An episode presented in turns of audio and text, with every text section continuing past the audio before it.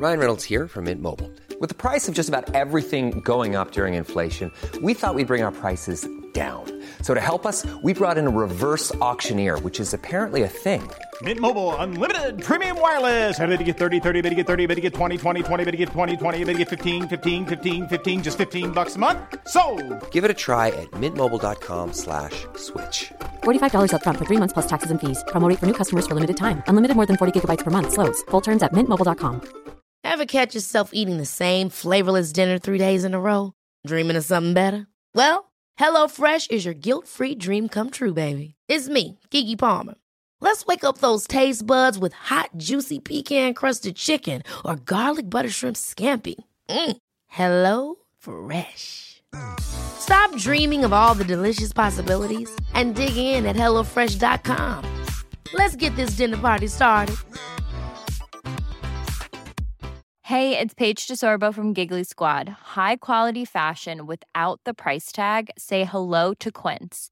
I'm snagging high-end essentials like cozy cashmere sweaters, sleek leather jackets, fine jewelry, and so much more. With Quince being 50 to 80% less than similar brands.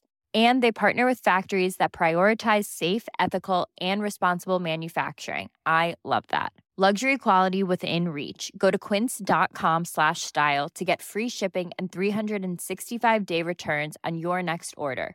Quince.com slash style.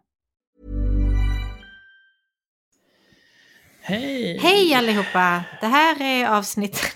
Du trodde inte jag skulle göra så, eller hur Axel? Nej, men jag, jag, absolut, du är välkommen. Nej, men jag kommer inte ihåg vad du brukar säga. Nej, men kör din egen. Hej och välkomna till avsnitt 94 av eh, Haveristerna. Eh, jag heter Ledarsuggan, Axel heter Axel och Henrik heter Henrik. Da -da -da -da -da -da -da -da -da -da.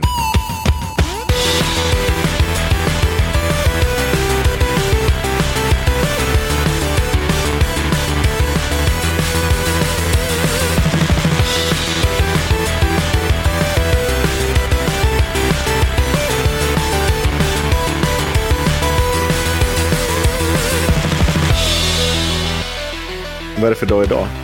Eh, det är, idag är det... Men sluta!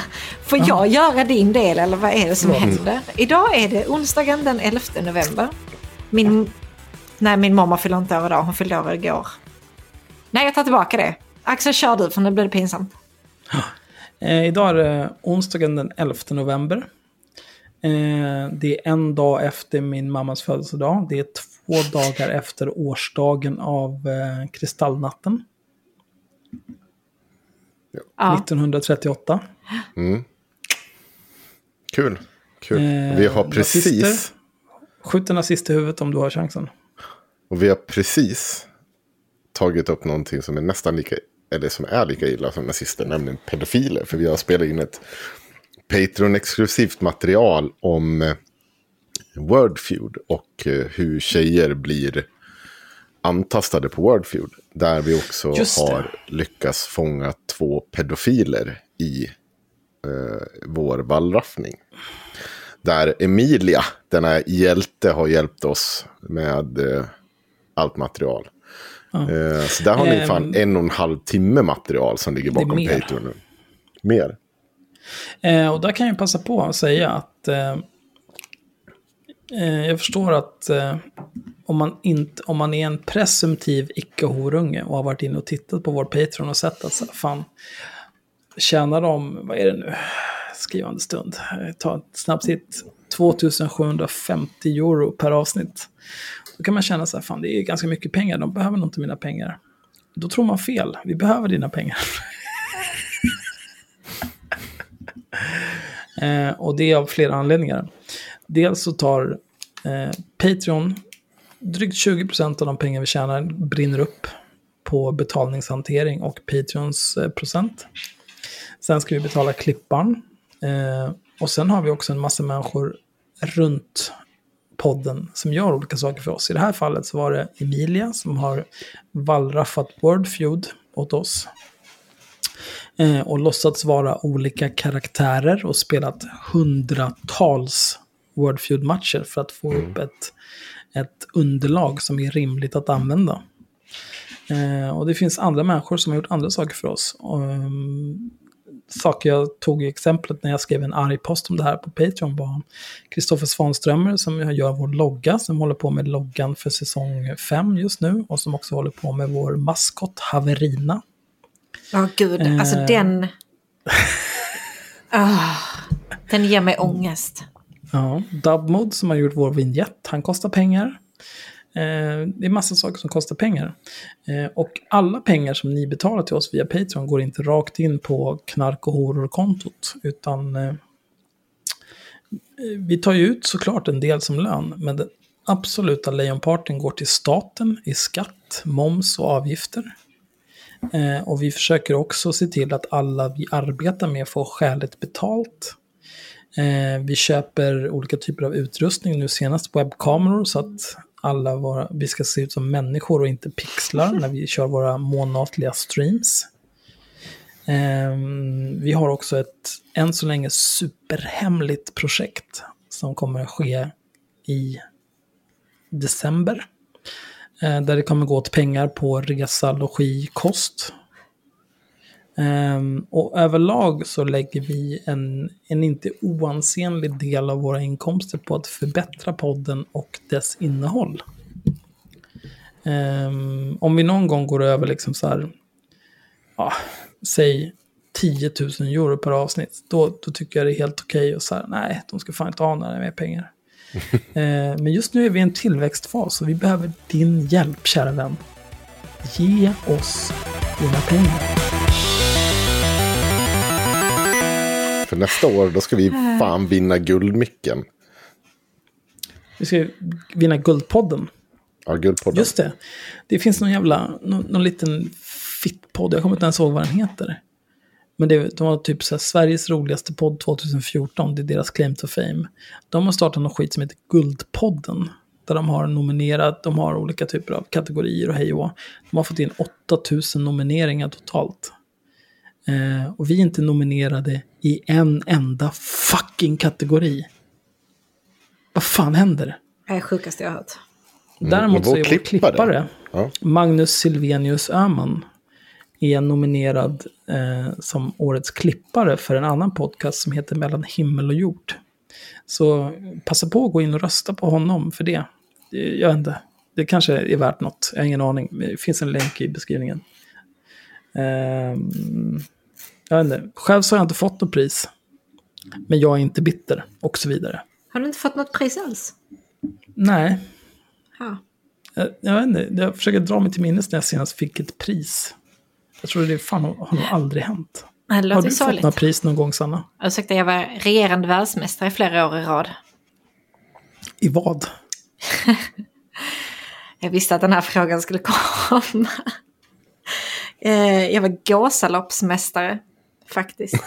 Du, du var vad för något, mästare? Ja, eh, I Skanör, där jag växte upp, har Gud. vi varje midsommar någonting som kallas Gåsaloppet.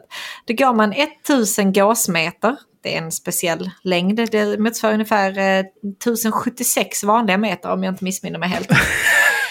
Ehm, Sen eh, så går man sex personer med skorna fastspikade i träskidor. Så ska man göra det så snabbt som möjligt. Och eh, tror vi vann det fem år i rad, sex år i rad, jag vet inte ens. Det var så många gånger att jag glömt bort. Men eh, jag var med i tv och sånt för det. Det var bra, vi var duktiga. Sanna, TV, Lokal-tv var det. hur, Nej, SVT. hur, hur kan jag ha känt Lokalt. dig i flera års tid och inte veta om det här? Alltså jag... Jag är en enkel person Axel, jag skryter inte så mycket men det här, det här är ändå min pride and joy alltså. Om, eh, om man är, råkar vara inne på min Facebook och kolla så kan man nog hitta lite gamla gåsaloppsbilder. Alltså det känns ju som att jag kommer kontakta SVT. eh, och fråga, har ni... Men grejen är att det sorgliga var att det året SVT kom och skulle filma oss, det var för att några sådana här Hollywoodfruar var med. Ehm, Gunilla Persson nej, och... inte de, alltså såhär B-tier Hollywoodfruar. Men så intervjuade de typ oss istället, så stod de där i sina klackar och de kom inte ens i mål gjorde de. Jävlar. Fan vilka losers. Oh my god. Ja. Ja, vi fick starta sist för vi gick om alla lagen. Liksom. Nu har jag skrytit klart, vi går vidare från det här. Jag, jag skulle fråga dig vad du har gjort idag, Sanna. ja, du skulle fråga jag- mig vad jag gjort idag. Jo, okej. Ja. Så Varför gör ni den här leken? Det är så nu, jävla det, dumt. nu är det jättekul. Eh, så jag tror att jag har brutit eh, ben i min fot. Va? Jaha. Ja, du mellan, det mellan, i mellanfoten. Jo, för att eh, i morse så vaknade mina barn återigen klockan fem. Och då behövde jag ta det ena barnet och gå ut så att andra barnet kunde somna om. Och inte döda alla på förskolan i vredesmod. Eh, och då skulle jag bära ut barnet, vattenflaska, nappar, iPad, telefon, allting. Och sen så tappar jag min telefonjävel med ett hörn rakt ner i min fot. Och jag bara... Äh, fy fan! Alltså jag började panikgråta på en gång. Alltså, hela dagen, har inte kunnat gå på foten. Och det, äh, det gör så ont alltså, jag vet inte ens vad jag ska bli av. Så nu sitter jag här helt maimed och ledsen. Oj. Ja. Ja, just det. Jag, har en, jag glömde säga det både i Patreon-avsnittet och när vi pratade om Patreon-avsnittet. Men jag tar det nu. För sån är jag. Det är faktiskt min podd, jag gör vad jag vill. Kör på. Eh, det Patreon-avsnitt vi just spelade in handlar ju om eh, dels hur, hur, hur det är att spela Wordfeud som öppen kvinna. Men också hur det är att spela Wordfeud som eh, minderårigt flickebarn. Eh, Henrik har gjort ett föredömligt jobb och ringt upp två pedofiler som ville rulla garn via Wordfeud. Wordfeud. Eh, men eh, när det kommer till sådana här saker, då finns det ju alltid folk som har liksom, eh, som jag har pratat om förut, en färdig problemformulering och en färdig lösning som de kan sälja till dig för billig peng. Jag nämner inga namn, men eh, Elsa Lantz, eh, Porrfri barndom och så vidare. Hur Bra jobbat då med att inte nämna några namn. Eh, Men hur kommer man då till bukt, få, få bukt med att eh, det, det finns pedofiler på Wordfeud? Jo, så här. Om ni har minderåriga barn, eh, säg åt dem att låtsas vara typ 33-åriga killar när de spelar Wordfeud, om de spelar Wordfeud. Och själva gör ni som jag kommer göra i, i alla fall en månad framåt tills jag tröttnar. Eh, en timme i veckan kommer jag från och med nu spendera med att spela Wordfeud. Och jag kommer att spela Wordfeud som en minderårig tjej. Och så fort någon av de här pedofilerna kontaktar mig så kommer jag skälla ut dem. Vi har ju drygt 20-25 000 lyssningar per avsnitt, så vi säger 20-25 000 lyssnare. Om ni allihopa hjälper till och gör det här, då, då tror jag att vi till årets slut kommer ha rensat Wordfeud från pedofiler. En timme i veckan, en timme varannan vecka, en timme i månaden, den tid du har. Låtsas vara en minderårig tjej, skäll ut en pedofil. Det är gratis för dig, förutom en timme, men den timmen har du. Det är gratis för skattebetalarna, vi behöver inte att det kommer in en massa jävla klåpar och fakturerar tiotusentals kronor för att kräka sig en massa nyreligiöst dravel. Och internet blir säkrare för barnen. Let's go. Alltså, jag försökte starta ett Wordfeud-konto. Och eh, det här är problematiskt för mig av två anledningar. Men, men jag, jag kan inte svenska. Nej, du är från Skåne. Nej, det är inget, det är inget Skåneskämt. Jag bara är totalt dum i huvudet. Så att alla ord försvinner ur mitt huvud. De bara flyger iväg. Och det gör det väldigt svårt för mig att vinna. Just det, här är poäng nummer två. Jag är väldigt tävlingsinriktad. Vilket är väldigt dåligt om man också spelar Wordfeud och inte kan svenska. För jag borde ju kunna massa bra ord att lägga. Men jag kan typ så här, ah, eh, eh, hej, eh, ehm, kompis. Det, alltså, så det, det går liksom inte att... Nej, jag vet inte. Det här är ett problem för mig. Jag behöver ha en ordlista om jag ska spela Wordfeud. Så ska det inte vara. Nej. Eh, Du, du fuskar alltså. Ja, men jag har ju inte spelat. Jag vill ju inte förlora. Så du fuskar. Nej, jag har ju inte spelat, sa jag. Om jag börjar spela, då kommer jag fuska, absolut. Fy fan vilket svin. I och för sig om du fuskar mot pedofiler så. De kan gott ha den extra förnedringen. Det är sant. Eh, men det är inte därför vi är här. Vi har ju riktiga saker att prata om också. Henrik. Ja. Du, jag kommer att tänka på en grej så här. Ehm, jag är lite nyfiken på vad du gjort sen sist. ja. Jag vet inte hur jag ska... Jag vet inte hur utlämnande jag ska vara i den här podden. Nej, men släpp ut det bara. Ja, men snälla, du har aldrig haft en sån här gräns tidigare. Ja, det det. Lek inte. Vad kom din mamma med den här gången?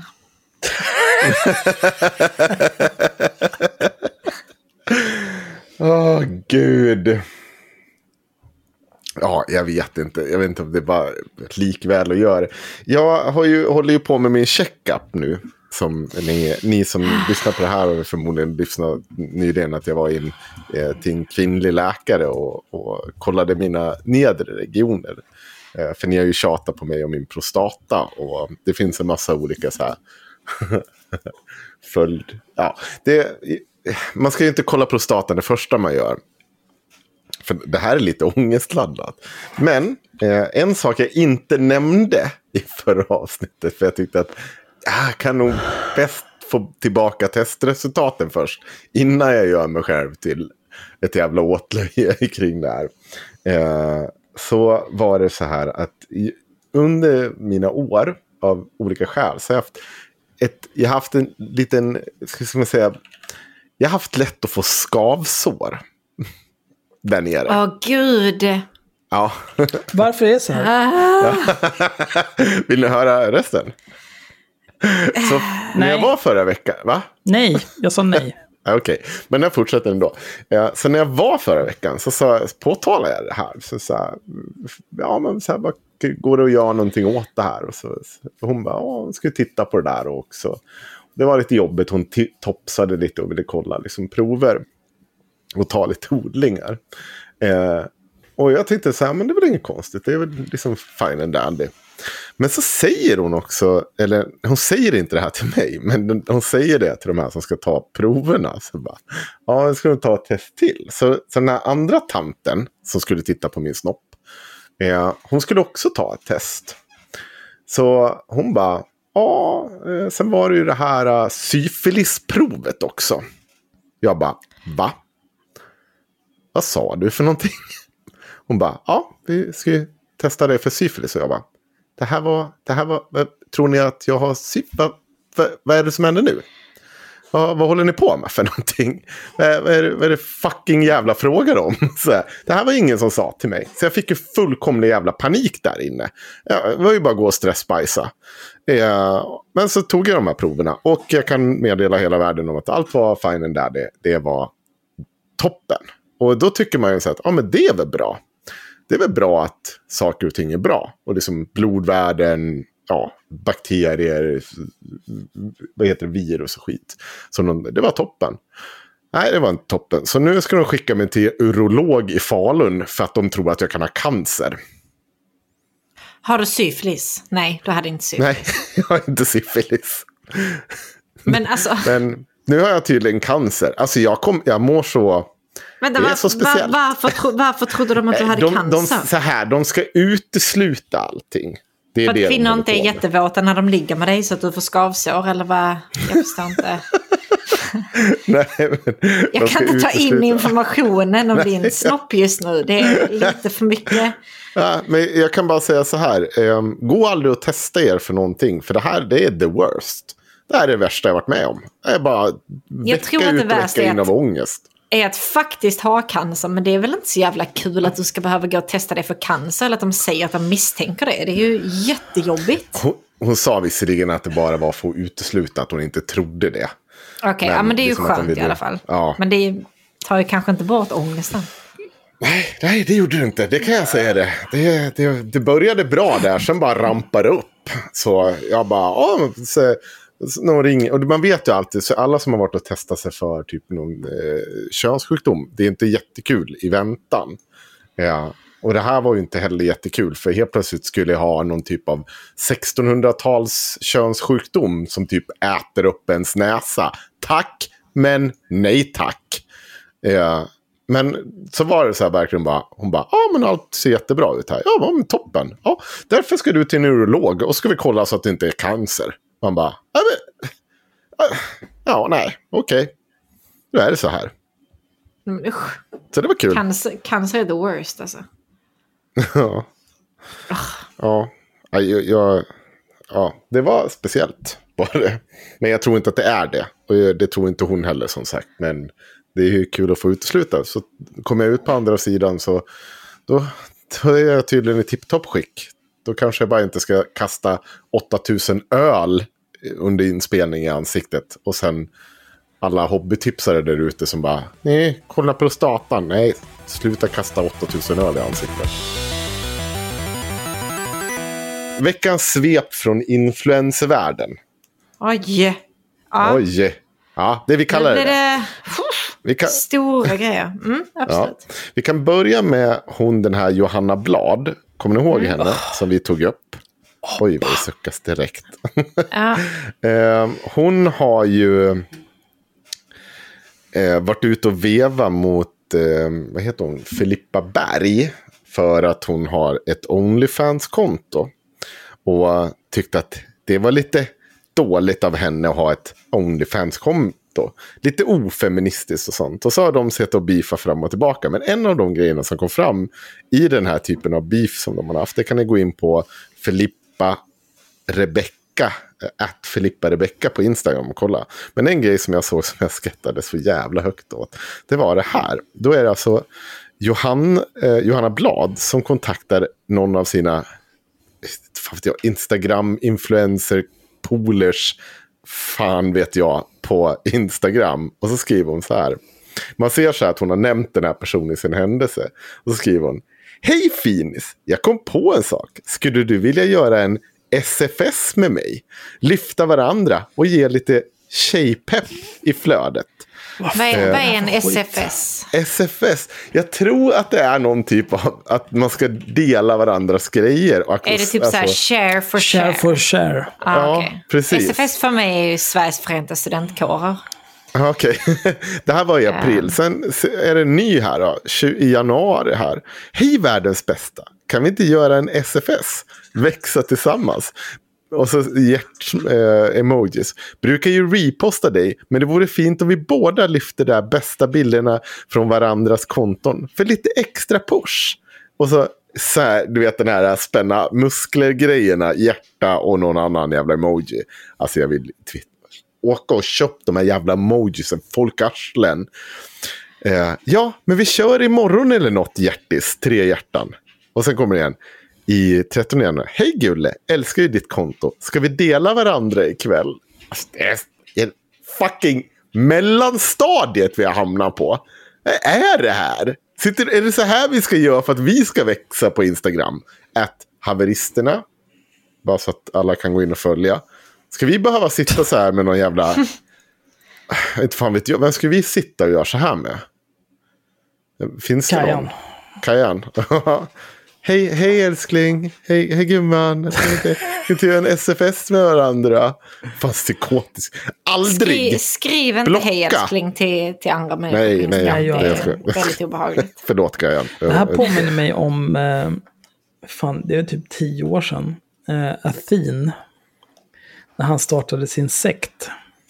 Eh, för er som inte känner till, Athen, världens bästa paladin. Stormscale EU. Gud. Eh, men han startade en sekt sen. Eh, först försökte han bli rik på YouTube och körde Together to the top. Eh, att alla skulle dela varandra, man skulle vara så himla positiva. Det var ett pyramidspel. Eh, nu tror jag att han bara sitter där i Belgien och är liksom någon slags skäggig sektledare. Men det, det är samma fil. Ja, det var en grej från influensvärlden. En Vet, annan vet grej. ni att jag var- blev inbjuden till ett pyramidspel en gång? Jag med. Asså? Jag har också blivit det. Ja. Hon blev jättearg när jag skrev, eh, men det här låter ju som ett pyramidspel. Fick jag helt plötsligt inga hjärtan och blommor skickade till mig längre. Jävligt taskigt tyckte jag. It's gonna be a no from me dog. Ja, typ så. En annan grej som har hänt det är ju att eh, Linnea Claesson har varit ute och eh, deklarerat kraft och mod till hela världen som det skogsvrå hon är. Skriver hon så här. Så många är rädda för att vara sig själva. Jag får ofta meddelande om hur man eh, ska våga. Många känner att det är läskigt att bära sig själv. Att med sitt yttre våga gestalta och dela ut sitt inre. Jag ser det som ett av många sätt att uttrycka på vem man är. Något man tycker eller vad man älskar.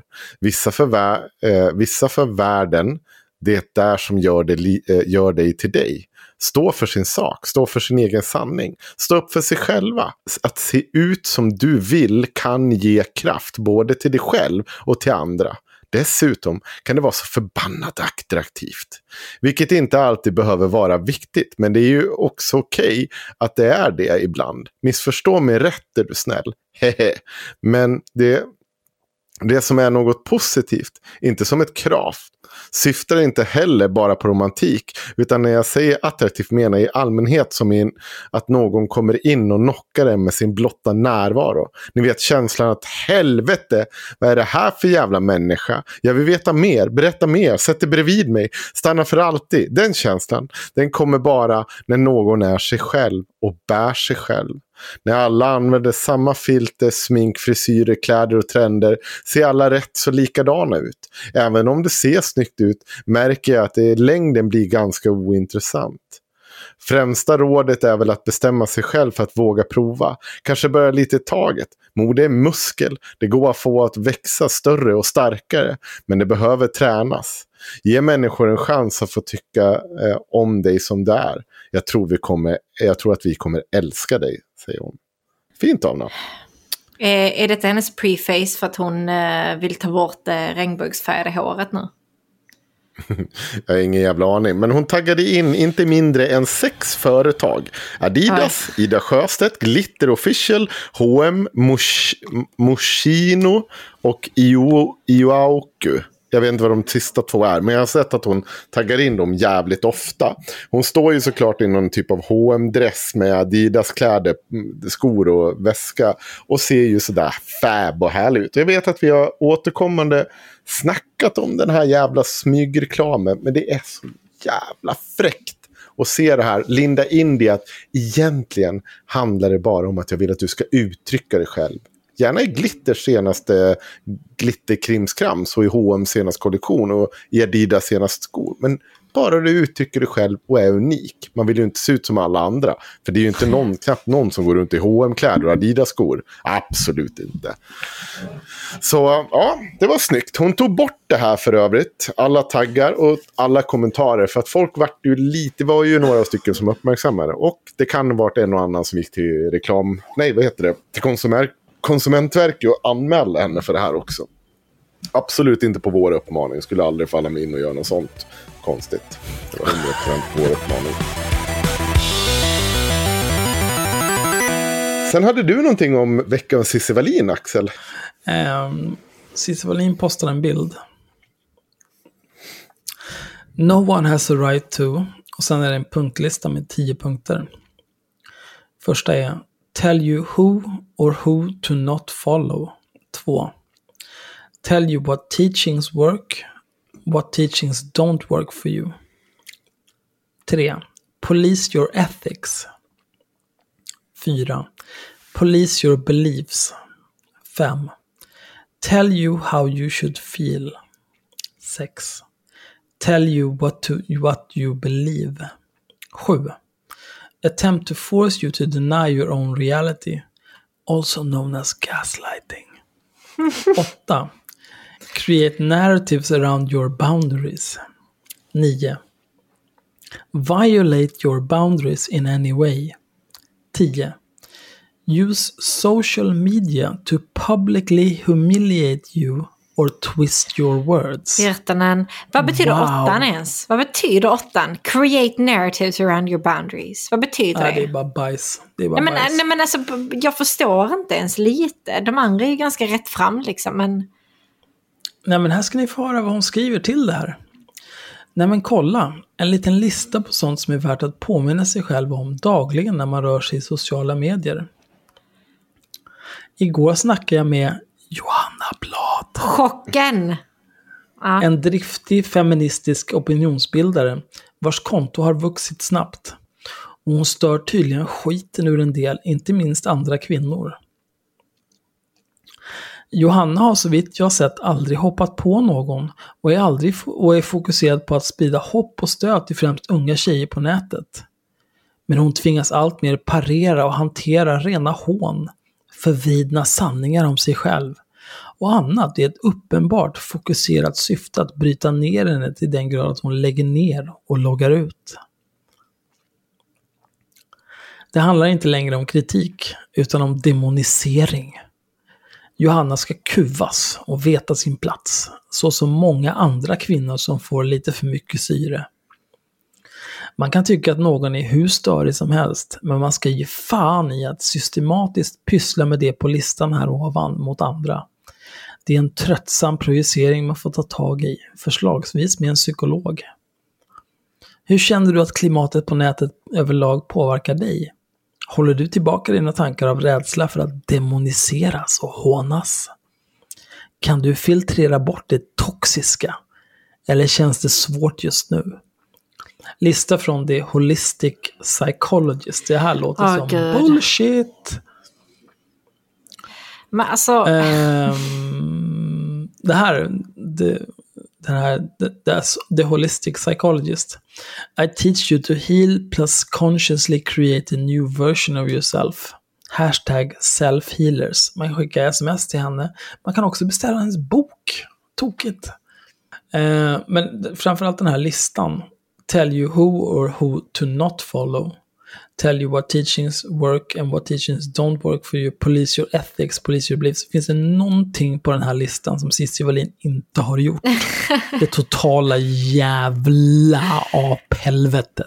nej gud nej, det här känns mer som en checklista för ett eh, Cissi Wallin-inlägg på Instagram, tycker jag. Ja, men så här, är du Uppfyller jag minst hälften av de här, ah men okej, då kan jag posta. Cissi som eh, sitter och kollar vem som likar vad och blockar folk baserat på det. Mm. Skickar PM hänt. till folk baserat på vilka de följer. Ah, nej, du är inte psykotisk Cissi, ditt jävla äckel. Eller typ rungarna som gör samma sak. Eller ja, det hade jag ju vetat Du- om de inte hade över att de blockat, blockat dig, mig. eller? Alltså, blocka aldrig mig. Ah, Blocka inte ledarsuggan. nej, Ni kommer jävlar. aldrig få brunsta om ni blockar ledarsuggan. Nej, så är det. Läs den. Vad var det du hade, Henrik? Du hade Du har i dokumentet så har du ehm, en länk till eh, Elaine Eksards kommentarsfält där Cissi kommer med en extremt märklig kommentar. Så Elena har lagt ut en bild på Instagram och Cissi har kommenterat. Folk är hyener. Klart man kritiserar eller raljerar över folks klavertramp och osköna beteenden på nätet. Men att kräva att andra kvinnor, inom parentes, inte ska kunna jobba och försörja sig. Sen kan man ju såklart diskutera gränser. En uttalad feminist som ingår i samarbete med våldtäktsmän Torsk, när hon vet detta, inom parentes, frågetecken, vill gärna höra hur andra tänker. Det är så sjukt att hon hela tiden använder sig själv. Alltså, Men eh, Cissi, du...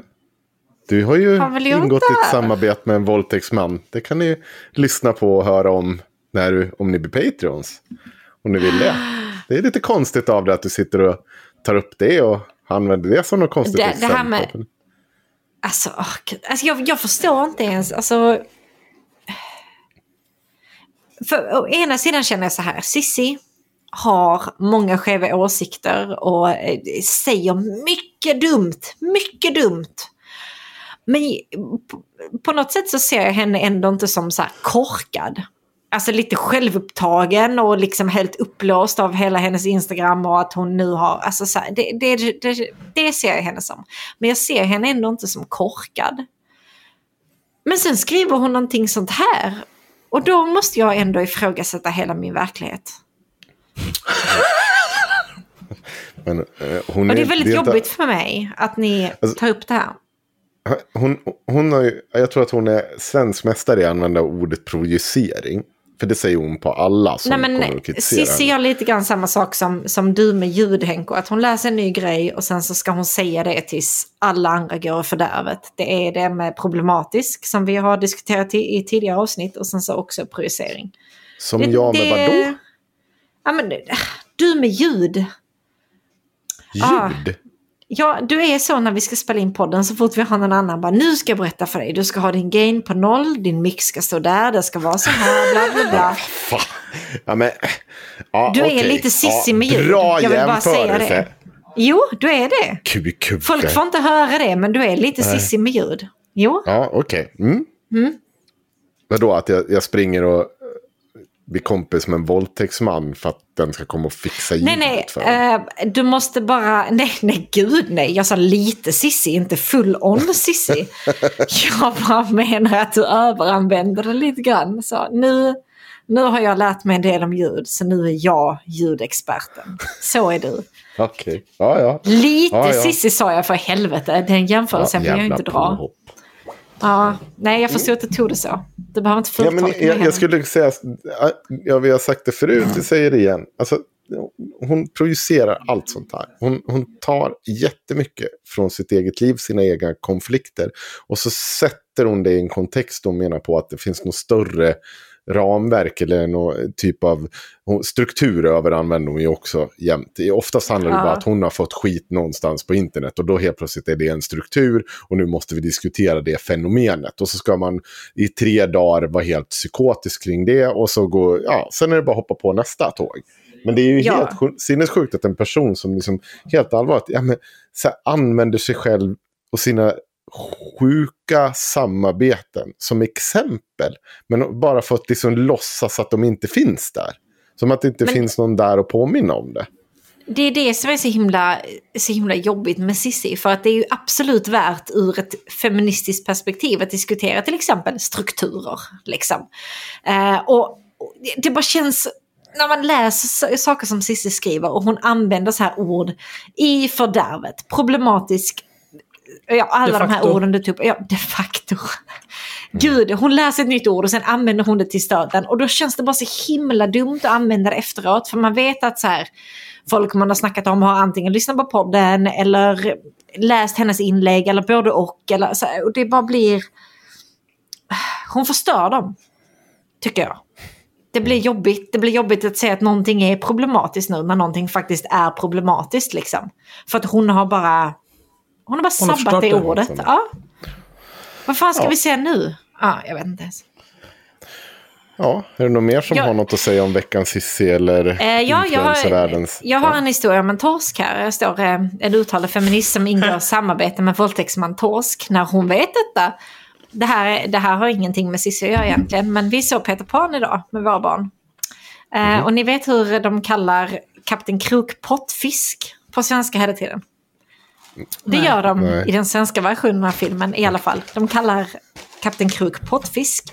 Men texten, om man har svensk text, den är översatt rakt från engelska. Vilket visar på att de har sagt kod, för att det är likt kock eller någonting. Eh, Så att de kallar Kapten Krok torsk konstant genom hela Peter Pan-filmen. Och det tyckte jag var väldigt kul idag. Ja, det var bara det. Är det, var är det dina små förgyllda stunder när du går på en film du inte vill se med dina barn? Bara, Åh, kolla, Jag vill se Peter Pan, det är dagen." jag som väljer. Ja. Jag trodde min tvååring får välja film eller? Jag tyckte bara det var kul att, eh, att de kallar honom torsk genom hela... Jag satt och fnissade lite. Ja, ja, är vi klara med veckans influencers? Ja, jag tror det. Åh, gud.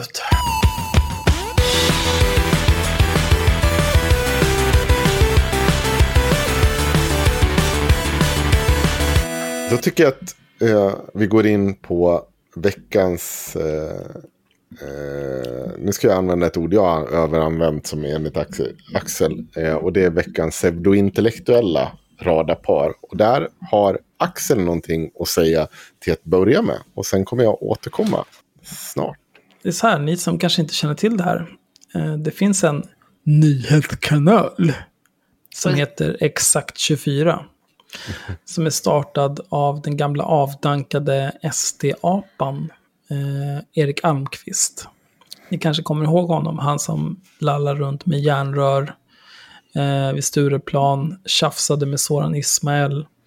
Det kom en tjej och hade åsikter om att hon betedde sig illa. Erik Almqvist tyckte att Kent Ekeroth skulle skita i den där lilla horan och så vidare. Eh, det gick sådär för honom. Han blev skickad åt helvete ur partiet. Han emigrerade till Ungern, som alla jävla losers gör. Eh, men nu försöker han göra någon typ av comeback här i Sverige och frontar inte den här piss-sajten. Utan det gör istället Bianca Muratagic, känd från Megafonerna som hon drev tillsammans med Oj. Beshir Rabbani, frid på hans namn. Det är i alla fall en jävla piss-sajt. Full av pissmänniskor. Jag skulle rekommendera er att klicka på länken i avsnittsbeskrivningen så att ni får se introt bara till den här intervjun. För att det är det mest cringe jag sett i mitt liv. Det är Bianca Muratagic som dansar omkring. Klipp till Bianca Muratagic som håller i kameran som filmar Bianca Muratagic som dansar omkring. Och eh, det kanske mest konstlade skratt jag sett i mitt liv. Man hör inte tack och lov, men Jesus Christ, det är dåligt.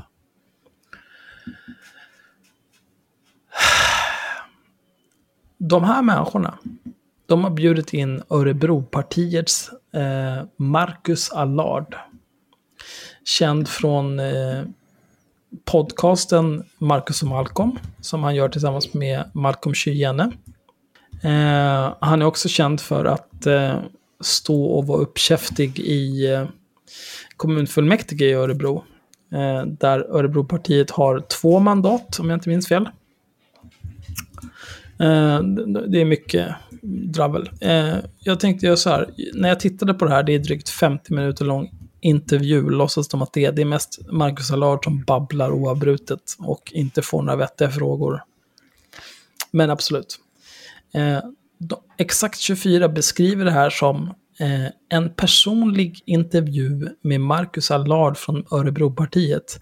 En ung och lovande politiker som berättar om sin resa från ultravänster till sund höger. Eh, då ska man ju ha i åtanke här att Marcus Allard var tidigare med i eh, förbundsordförande för Ung Vänster. Så det är Ultravänstern. Eh, det är också viktigt att komma ihåg att de menar att han numera är sund höger. Jag tror inte att de såg samma intervju som jag gjorde. Men det, vi återkommer till det. Det första jag märkte i den här intervjun, det är att Marcus Allard har en ful klocka. Eh, den har ett läderspänne och den är alldeles för stor. Eh, Får man inte ha läderspänne? Nej, man har rostfritt stål. Ta dig samman, Sanna. Vänta, jag ska hämta min klocka bara lite snabbt.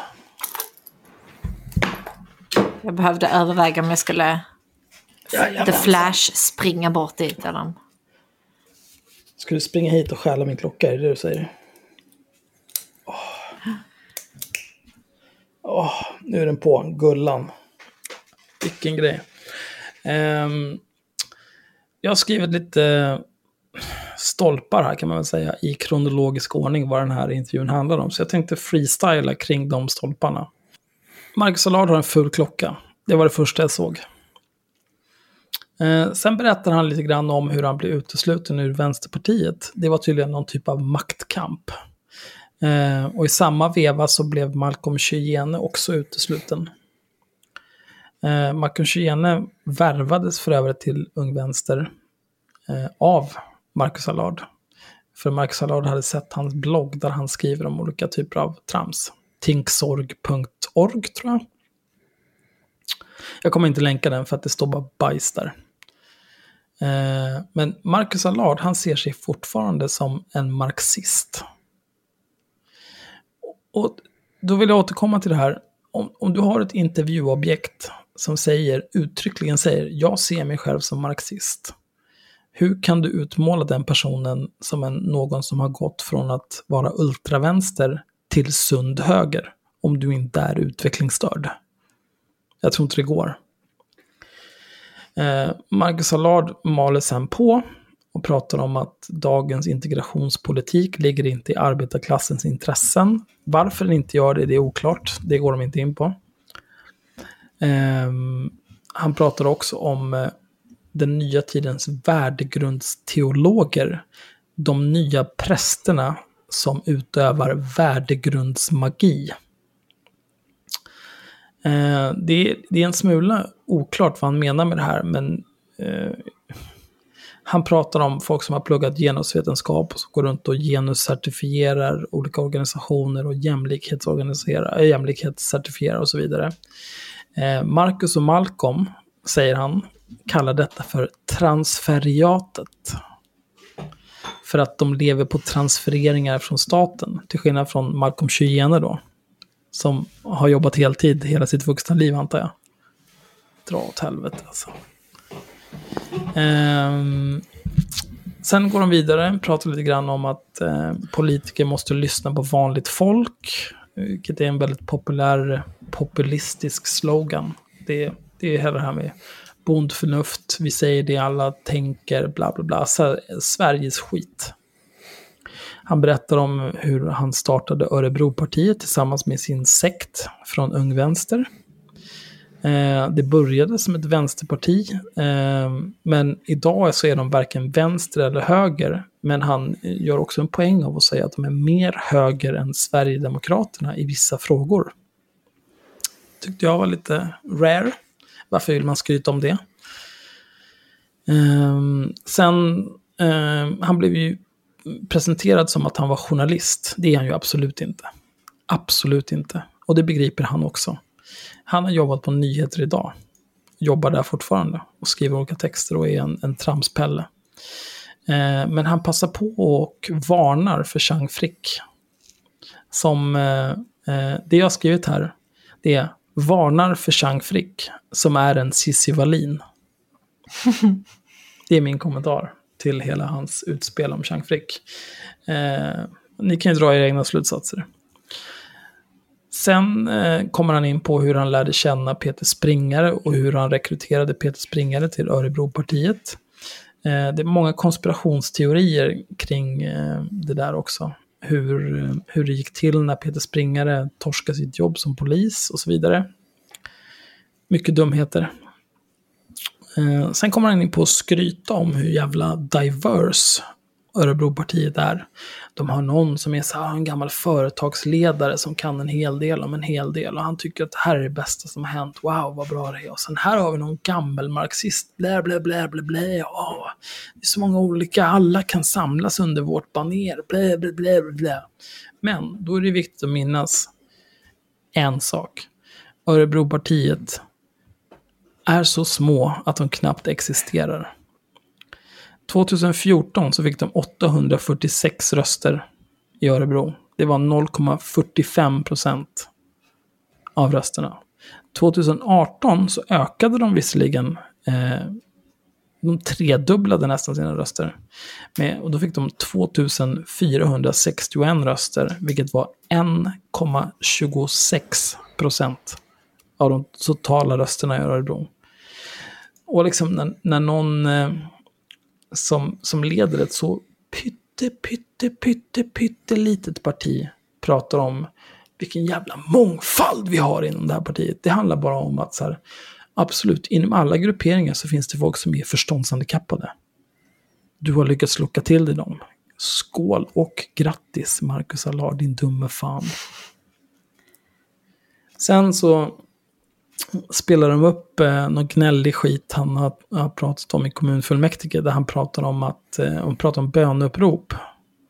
Och att så ska vi minsann inte ha det. Och han säger inte en millimeter av det här landet tillhör islam. För att han menar att eh, bönutrop, det är någon slags, eh, jag vet inte, det consecratar liksom marken omkring det. Att eh, bönutrop klimar marken omkring bönutropet och gör den till islamsk. Och det är fel. Eh, det låter som eh, racist bullshit, men okej. Okay.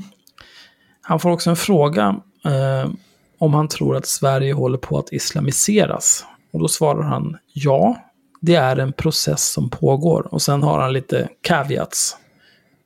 Men han håller ju med om att Sverige genomgår en islamisering. Så fuck honom. Eh, sen håller Bianca på och svamlar om olika klaner och islamister som har infiltrerat myndigheter och att det pågår ett röstutbyte. Eh, det vill säga att eh, det är den här gamla Sverigesmyten om att Socialdemokraterna och Vänsterpartiet och Miljöpartiet, så alla som är till höger om Sverigedemokraterna, de, de, de tar in en massa röstboskap. För att så fort man kommer till Sverige och får asyl, då röstar man automatiskt på Socialdemokraterna. Som, som att det var en grej som händer. Eh, då håller Marcus Allard med, men menar att det är lite mer komplicerat. Men han säger också att i slutändan så är dagens integrationspolitik någonting som politikerna tjänar på. Vad fan nu det ska betyda. Eh, han förespråkar också assimilering som övergripande mål. Eh, jag vet inte, jag tycker assimilering är ett lite fittigt sätt att hantera invandrare. Eh, jag, jag, kan tycka att eh, den integrationspolitik vi har idag, har jag sagt flera gånger, den är helt kraschad. Den behöver styras upp. Men, ja, Sanna? Assimilering Varsågod. låter så jävla ondskefullt alltså. Det är... Ja, det låter som någonting en, en, en bov i en, en film skulle syssla med. Ja, men assimilering innebär ju, säg, säg, om vi säger så här, eh, st- eftersom Stockholm är Sveriges mittpunkt, allting utgår från Stockholm. Om då resten av Sverige ska assimileras i Stockholm, då betyder det att alla måste börja prata stockholmska. Det är sådana Ja. grejer liksom. Du får inte hålla på med liksom, baka krabbelurer eller vad fan du håller på med, spettekaka, vad det nu är för skit. Det blir inga näverkontar, det blir inget jojkande upp i norr. Det blir inget av det. Ni ska Nej, nej. assimileras. Jag bara menar Det är bara- ordet assimilering låter... Det är för att jag kollar på. Star Trek. Jo, jo, men det är för att det är fascism. Ja, men din, din, oavsett vad du är, det är så här, vi har en majoritetskultur.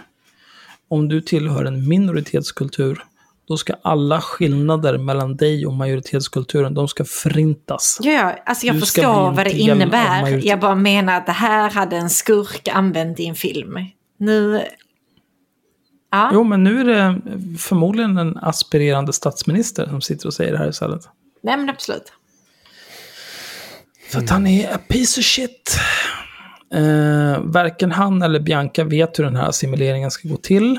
Eh, Marcus Allard förespråkar också repatriering. För absolut, Sieg Heil. Eh, när han pratar, han blir ombe- ombedd flera gånger att beskriva Örebropartiets politik och sin egen politik och vad han står för. Då kan han inte riktigt svara på. Eh, men han, han säger att politik är enkelt. Som att till exempel man bygger inte något kulturcentrum för 723 miljoner när det finns problem med skola och omsorg. Eh, och det är ju också, det är, ett sånt, det är ett sånt jävla enkelt sätt att se på saker och ting. För att Eh, visst, det kanske inte alltid är relevant att, att bygga någonting för 723 miljoner. Men de problem som finns kanske inte blir lösta om man kastar mer pengar på dem. Det kanske handlar om rutiner och processer. Vad är det vi gör? Vad är målet med det vi gör? Vad håller vi på med här? Och så vidare. Ehm, allting handlar inte bara om allokering av pengar. Ehm, men är man liksom ett, någon typ av förståndshandikappat barn så kanske man tror att politik bara handlar om om vi skickar pengar åt det här hållet, då löser vi det problemet. Urr! Det är, det är så otroligt mycket mer komplicerat än så. Och att en politiker, en yrkespolitiker säger att politik är enkelt gör att jag omedelbart tappar allt förtroende från honom. Eh, han har lagt förslag också om att halvera politikerlönerna. Det tycker jag är bra i och för sig. För de behöver inte tjäna så mycket pengar de gör. Han som eh, kommunpolitiker i en liten pissort som Örebro har nästan 70 lax i lön. Eh, och eh, jag vet inte, när han pratade om det så, så beskriver han det. Han frågade så här, men vad behöver jag göra liksom nu? Eh, vilka möten måste jag vara med på? Vilka utskott och så vidare.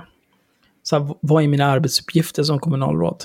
Och, och det svar han fick var så här, nej men du kan, jag vet inte, du gör väl lite grann som du vill. Eh, Och det kan jag absolut hålla med om, att betala 70 lax i månaden för någon som i, i stort kan skita i allt som, eh, som för en vanlig person skulle vara den personens arbetsuppgifter. Det är helt orimligt. Han berättade också om att han sa, de föreslog först 50 procent av lönen, sen 60, sen 70, sen 80, sen 90.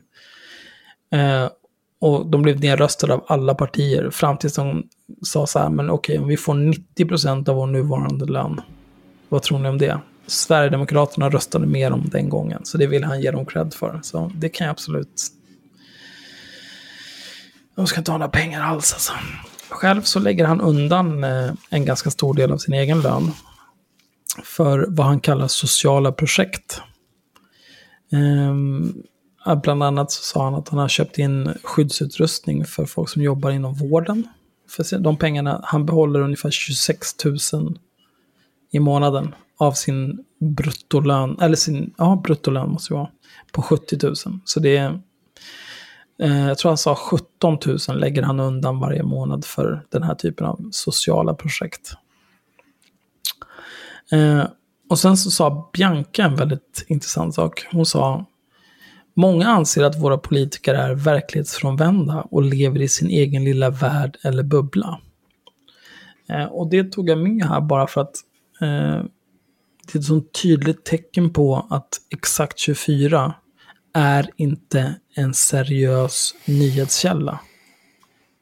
För, jag vet inte, jag, jag, om, om du kan hitta någon gång när någon på till exempel SVT har sagt till någon de intervjuar, många anser att blippeli bloppeli brappeli bloppeli, då kommer jag hugga kuken av mig. Alltså, många anser. Det är, något, det är först ett påstående du behöver styrka. Och sen så behöver du väva in det i någon typ av narrativ där det är relevant vad de här många människorna tycker om boppidi boppidi boppidi. Du kan inte bara säga många anser att våra politiker är verklighetsfrånvända och lever i sin egen lilla värld eller bubbla och låtsas som att du är någon slags Ah, nej, men jag, är, jag är en seriös oberoende journalist. Du är en jävla gycklare, Bianca. En sopa av rang. Ut.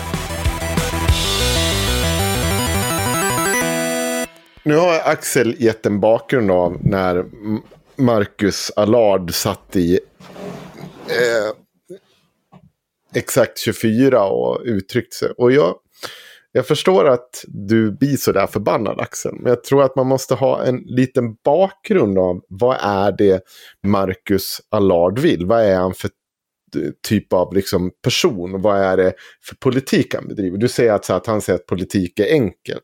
Varför säger han så? Det finns en god anledning. Och man får reda på ganska mycket av det i det senaste avsnittet av podden eh, Marcus och Malcolm. Det både Marcus Allard och eh, Malcolm Kyene är med. Och det avsnittet heter Fiende, fiende, dubbelmakt. Och eh, bakgrunden här det är att eh, eh, diskussionen börjar egentligen i det här avsnittet med att de eh, diskuterar att Örebropartiet säger att de skulle ha strypt all utbetalning till de, vad de menar är islamistiska skolor. Och påstår då att Nerikes Allehanda, den lokaltidningen, är apologetisk mot islamismen. Eh, och vi kommer komma dit, men först och främst så kommer, ska vi låta Marcus själv förklara vad det är han menar med populism. Och varför, liksom, hur Örebropartiet ska hantera den här typen av islamistskolor. Man ska komma ihåg att det finns skolor där utanför utkanten av Örebro som det finns problem med. Ingen snack om saken. Eh, avsnittet heter alltså angående apologeter och den demograf demografisk komposition, säger de. Det vill säga att angående de som ursäktar islamismen och hur man ska eh, prata om demografisk sammansättning. Hur många blattar ska vi ha kontra svenskar och så vidare. Och eh, jag tror att det är Marcus vi kommer nu, eller jo Marcus vi kommer få höra strax. Vänta så säger jag till nu. Är ni med? Ja. Olika Klart. metoder och sådär. Det här är Marcus. Eh, och sen om det nu skulle visa sig, för att just när det gäller det här, det här handlar det bara om att om Örebropartiet skulle komma i maktställning i Örebro kommun så kommer inte vi betala ut de här pengarna till skolorna.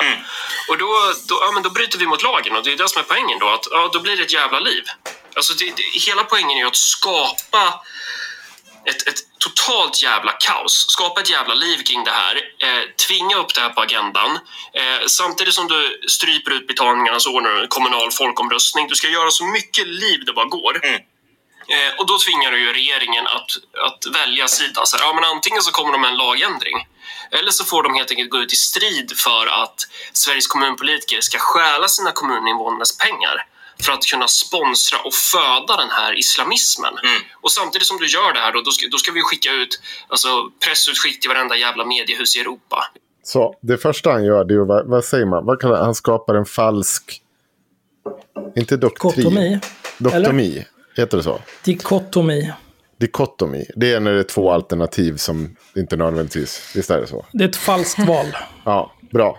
Tack. Eh, Jag har inte Det, läst det är ett val där du tvingas som- välja mellan två alternativ. Men det kan finnas flera alternativt. Och eller de val du får Precis. är falska. Ja, så det, det är det första de vill göra som populister. Framförallt, eh, framförallt det jag hör, det är att Marcus Allard är en landsförrädare. Ja, Det var vad jag hörde av det där. han kommer, kommer lite till. Vill ju ha totalt strålkastarljus här. Det är så här du tvingar fram en lagändring. Du tvingar inte fram en lagändring genom att ringa upp någon jävla minister och säga så här. Hej, jag tycker du är så himla söt och fin. Du, du är bästaste, bästaste ministern. Kan inte du typ så här ändra lagen? Du tvingar ju fram det genom att sätta pistolen mot tinningen på de här jävla kräken. Det är det enda sättet du får till en politisk förändring. Pistolen mot tinningen i Minecraft, Marcus. Så att ingen, Ja. ingen to- liksom torkar in allt för mycket våld här. Så här Här var det ju bevis för att jag är Lenin. ja. Nej, men, Ja. Ja, eh, ja det är det första. Alltså deras, Men- hans popul... Vad, vad sa du? Nej, men... Det är ju inte... Det, det är klart att du inte går och pratar med en minister för att ändra lagen. Du, du tar fram en motion. Du ser till att den motionen har tillräckligt mycket stöd i riksdagen och sen så röstar ni igenom den. Efter att den har varit ute på remiss förmodligen. Det, det, det handlar inte om att gå och prata med någon minister eller att någon liten pissfitta i Örebro som har fått 1,26 procent av rösterna där i en jävla ort med 15 000 invånare ska ha någonting att säga till om. Oavsett hur mycket Stalin-komplex han än har. Vilken jävla tönt! Ja, men det är ju också så att eh, det förklarar, han, han är ju, det där är ju också kärnan av populism, att du hela tiden eh, skapar de här falska alternativen, det är att du bara, du ska hela tiden utmana makten, eller ja, det är en del av populismen, men genom de här falska alternativen och, och liksom ställa till liv kring det. Men han har ju också fel i att det är klart att du kan uppvakta ministrar genom eh, underskrifter och så vidare och säga att det här vill vi få stöd för. Det går ju hur bra. De duktiga opinionsbildarna, lobbyisterna och sånt, de går ju alltid på enskilda politiker och uppvaktar dem och säger att det här borde du kolla på, de här utredningarna borde du läsa, det här ger resultat. Eh, men du kan ju också pressa fram det genom den här typen av aktioner, absolut. Men det finns ett Fast problem. inte om du är, inte om du är ett enparti, eller enprocentsparti i Örebro. Nej men då kan du inte ens torka kan dig själv i röven alltså. Folkkampanjer har, har uppstått eh, på, på mindre, liksom av mindre, eh, vad säger man, hur ska man säga, mindre framstående personer än så. Det kan det absolut göra. Men han eh, säger ju någonting annat som jag tycker är intressant och man måste ha koll på det här med populismen också. Det, den är ju sällan konsekvent eller ha koll på vad han säger ena dagen mot andra dagen. Så att han kan ju stå och rövknulla alla sina väljare hur mycket han vill. För att samtidigt så säger ju han så här att vi ska faktiskt eh, införa utökat tjänstemannaansvar och olika typer av sådana grejer. Det innebär ju att hans värld när du ska gå ner och stänga ner all betalning till sådana här skolor när de har rätt till det. Det kan ju leda till att du sätter folk i fängelse. Det kan ju leda till att tjänstemän blir tvungna att begå lagbrott. Och då ska de ju också lagföras. För det har ju han infört en... Hur, hur ska det här liksom funka? Det finns ju inget... Han har ju inte koll på vad han säger ena dagen mot den andra dagen. Och det är superviktigt med populism och att någon kan förklara det på ett enkelt sätt. Att ja, det,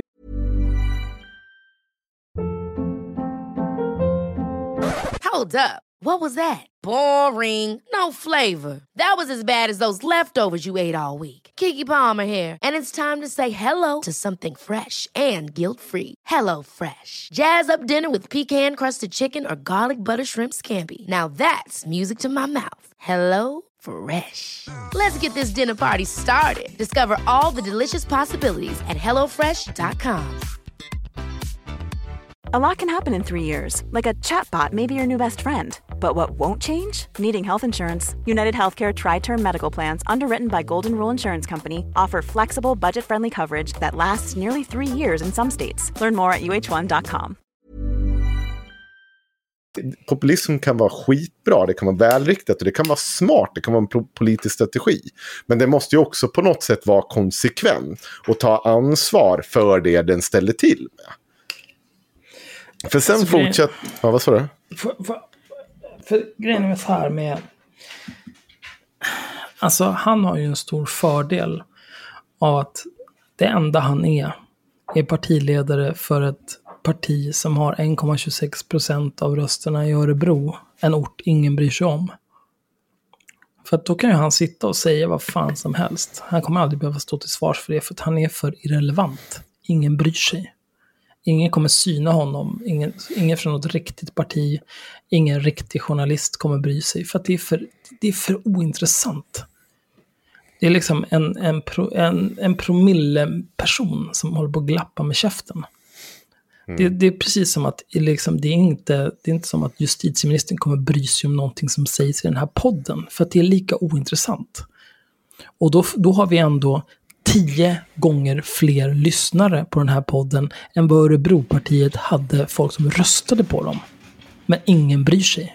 Mm, jag, jag håller inte med. Jag, jag tror att du absolut kan påverka mycket mer än... Jag, annars hade jag nog inte sysslat med det här om jag inte trodde det. Jag tror inte alls har- att det är så att ingen bryr sig. Vi har haft Nej, men politiker som har hört av ett- sig till oss och På ett tyckt... nationellt plan. Ja, det Det, kan, det är inga lagar som kommer förändras av någonting vi pratar om i den här podden. Det är inga lagar som kommer förändras av någonting som Örebropartiet pa- pratar om. Fast eh, det- jag säger så här. Nej, inga lagar för att vi har inte det uttalade målet. Vi skulle säkert kunna hitta någonting och driva på och få en opinion för det. Få folk att skriva under och sen går man till minister. Alltså det skulle med all sannolikhet gå. Och det skulle Örebropartiet också. Han är en skicklig kommunikatör, Marcus Allard. Han har hund, kan ha, jag menar vissa av hans de här jävla talen har ju för fan hundratusentals visningar. Det är klart att han, om han hade Jo, riktat det där rätt det, så... det är folk som sitter och tittar på det om och om igen för att de inte har något annat i livet. Men det finns också en, vad heter det, en lite dubbelhet i det han säger. För han, så här säger han också om yttrandefrihet. på orden. Ja. Och tänker så här, jaha, ja men han vill ju diskutera det här filosofiska dilemmat om yttrandefrihetens gränser, vilket ju för övrigt är helt jävla absurt, för yttrandefriheten har väl inga jävla gränser. Det är väl det som är poängen med att ha yttrandefrihet till att börja med. Men, men att Yttrandefrihet En har inga som helst jävla gränser. Jo, det har. Gymnasieintellektuell syn på... Ja, jo. Och sen Yttrandefrihet. om inte yttrandefriheten hade gränser, om den inte hade några gränser, då hade det blivit lite svårt att sitta där och gnälla över att det finns islamistiska åsikter på de här skolorna. För det ska ju du hålla käften om. För yttrandefrihet, Ja, yttrandefrihet, yttrandefrihet. yttrandefrihet. Pajas. Så yttrandefriheten har ju redan gränser. Ja, Eh, både vad gäller olaga hot, förtal, ärekränkning. Alltså, ja. Det, det är redan inskränkt. Eh, hets mot folkgrupp. alltså det här sitter ju så här boomer-tanter och gubbar i nassegrupper på Facebook och klagar över att ah, nej, nu tog Facebook fängelset mig. Yttrandefriheten, det, alltså det är... Oh, gud, jag blir så trött. Jag tycker att det är viktigt att ta de här små detaljerna i vad han säger. För att de, i sin helhet så blir det ju bara konstant att motsäga sig själv. Det han sysslar med. Men det blir ju skickligt, det kommunikativt utåt som politiker så gör han det ju väldigt, väldigt bra. Man måste ha respekt för det. För det är sådana här pajaser som kan komma ganska långt med sin, si- alltså så sina politiska tankegångar. Sånt. Det har vi ju sett ute i världen, inte mindre Trump. Men Marcus Allard, han är ju, det var någonting jag tänkte på när jag såg honom i Exakt 24 också. Han är ju en demagog. Mhm. Han glappar med käften oavbrutet och han är ganska bra på att snacka. Men om man har en fungerande hjärna så har man ju att det han säger är bajs. Mm. Men, men är man liksom som, jag vet inte, 20% av Sveriges befolkning som röstar på Sverigedemokraterna och bara har bajs och vakuum i huvudet. Bra sagt. Men det, Islamerna. men det är också så att det är ett ganska litet parti i eh, inte en jättestor stad. Och då hör man kanske inte allting som man säger. Så man hör kanske inte de här motsägelse, motsägelserna. Utan man hör bara någon grej som det här tycker jag låter bra. Och sen hör du inte när han säger emot sig själv lite senare. För du lyssnar inte på allting han säger utan du lyssnar på någon grej som delas av någon som du känner som bor i Örebro på Facebook och tycker att det är bra. Bla bla bla liksom. Och då, absolut, det här kan väl låta jättebra. För Nej, folk som och- tycker så. Jag, jag är helt övertygad om att den publik han appellerar till, Marcus, är ju, eh, är ju samma alltså den publiken skiter ju fulla fan i om en muslim inte får ha sin yttrandefrihet. Så Nej, länge den klart. får springa runt på stan och skrika Sieg Heil i en, muslims, eh, en muslimsk persons ansikte. För det är yttrandefrihet. Men den där jävla eh, blatten ska inte komma här och säga Allu Akbar eller vad fan det nu än må vara. Det, det är inte rimligt och rätt och det är åt helvete. Eh, nej, så, så den, utan det ska vara absolut yttrandefrihet när jag yttrar mig. Det är det, det som gäller. Och det är en jävla skev yttrandefrihet för den kommer slå jävligt slint. Men de har också kommit in på det här spåret. För du pratar ju om de här konspirationsteorierna som de kör.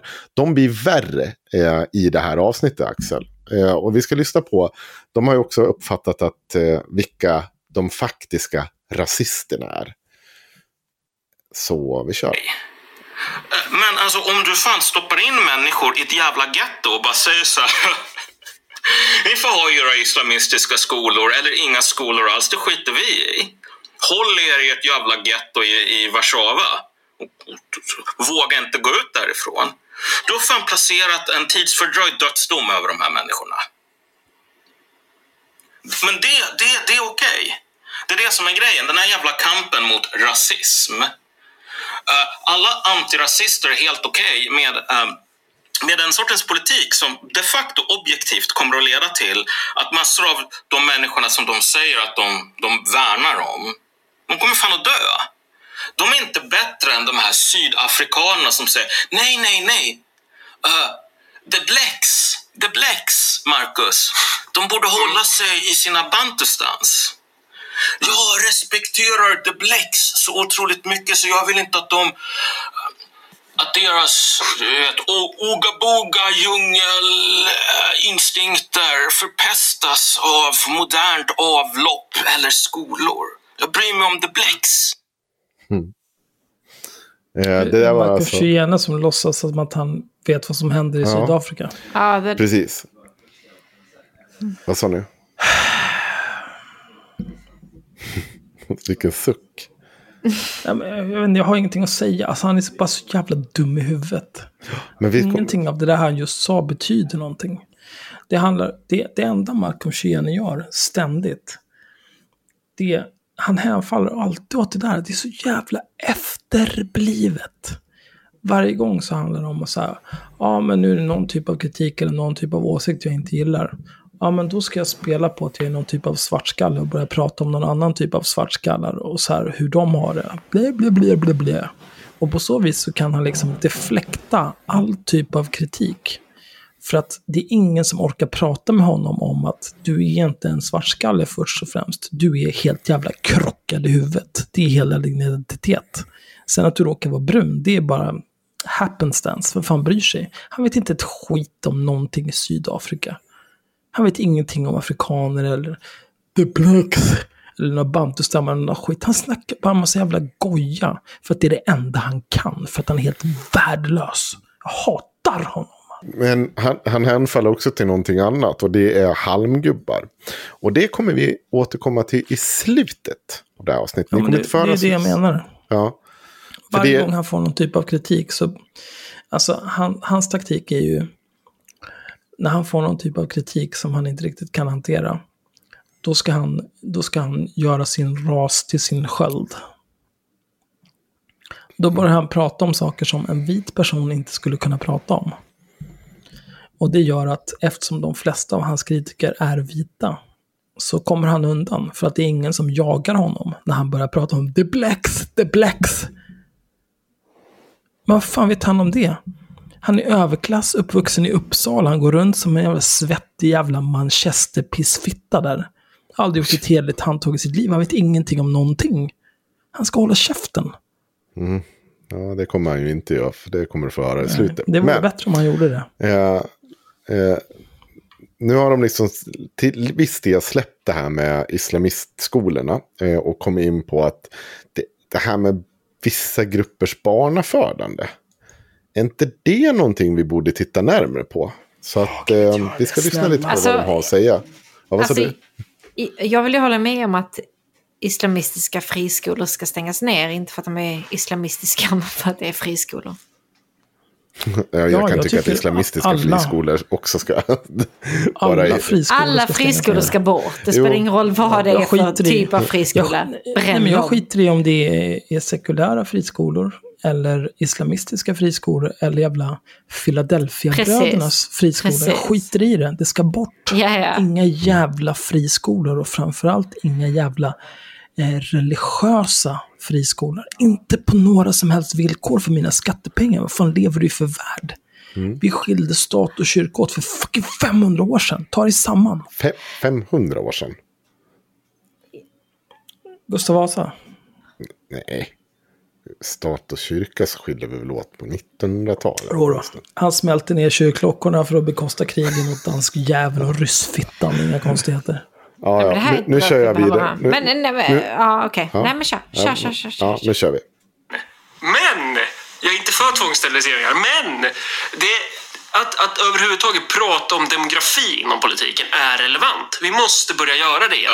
Eh, om man då tittar på liksom så här, eh, jag menar, om, om man tittar till exempel på de här befolkningsprognoserna som ligger till grund för alla kommunbudgetar.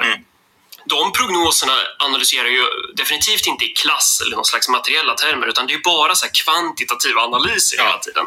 Man, man, man, man drar liksom ut ett genomsnittligt fertilitetsvärde för kvinnor i åldern X till Y.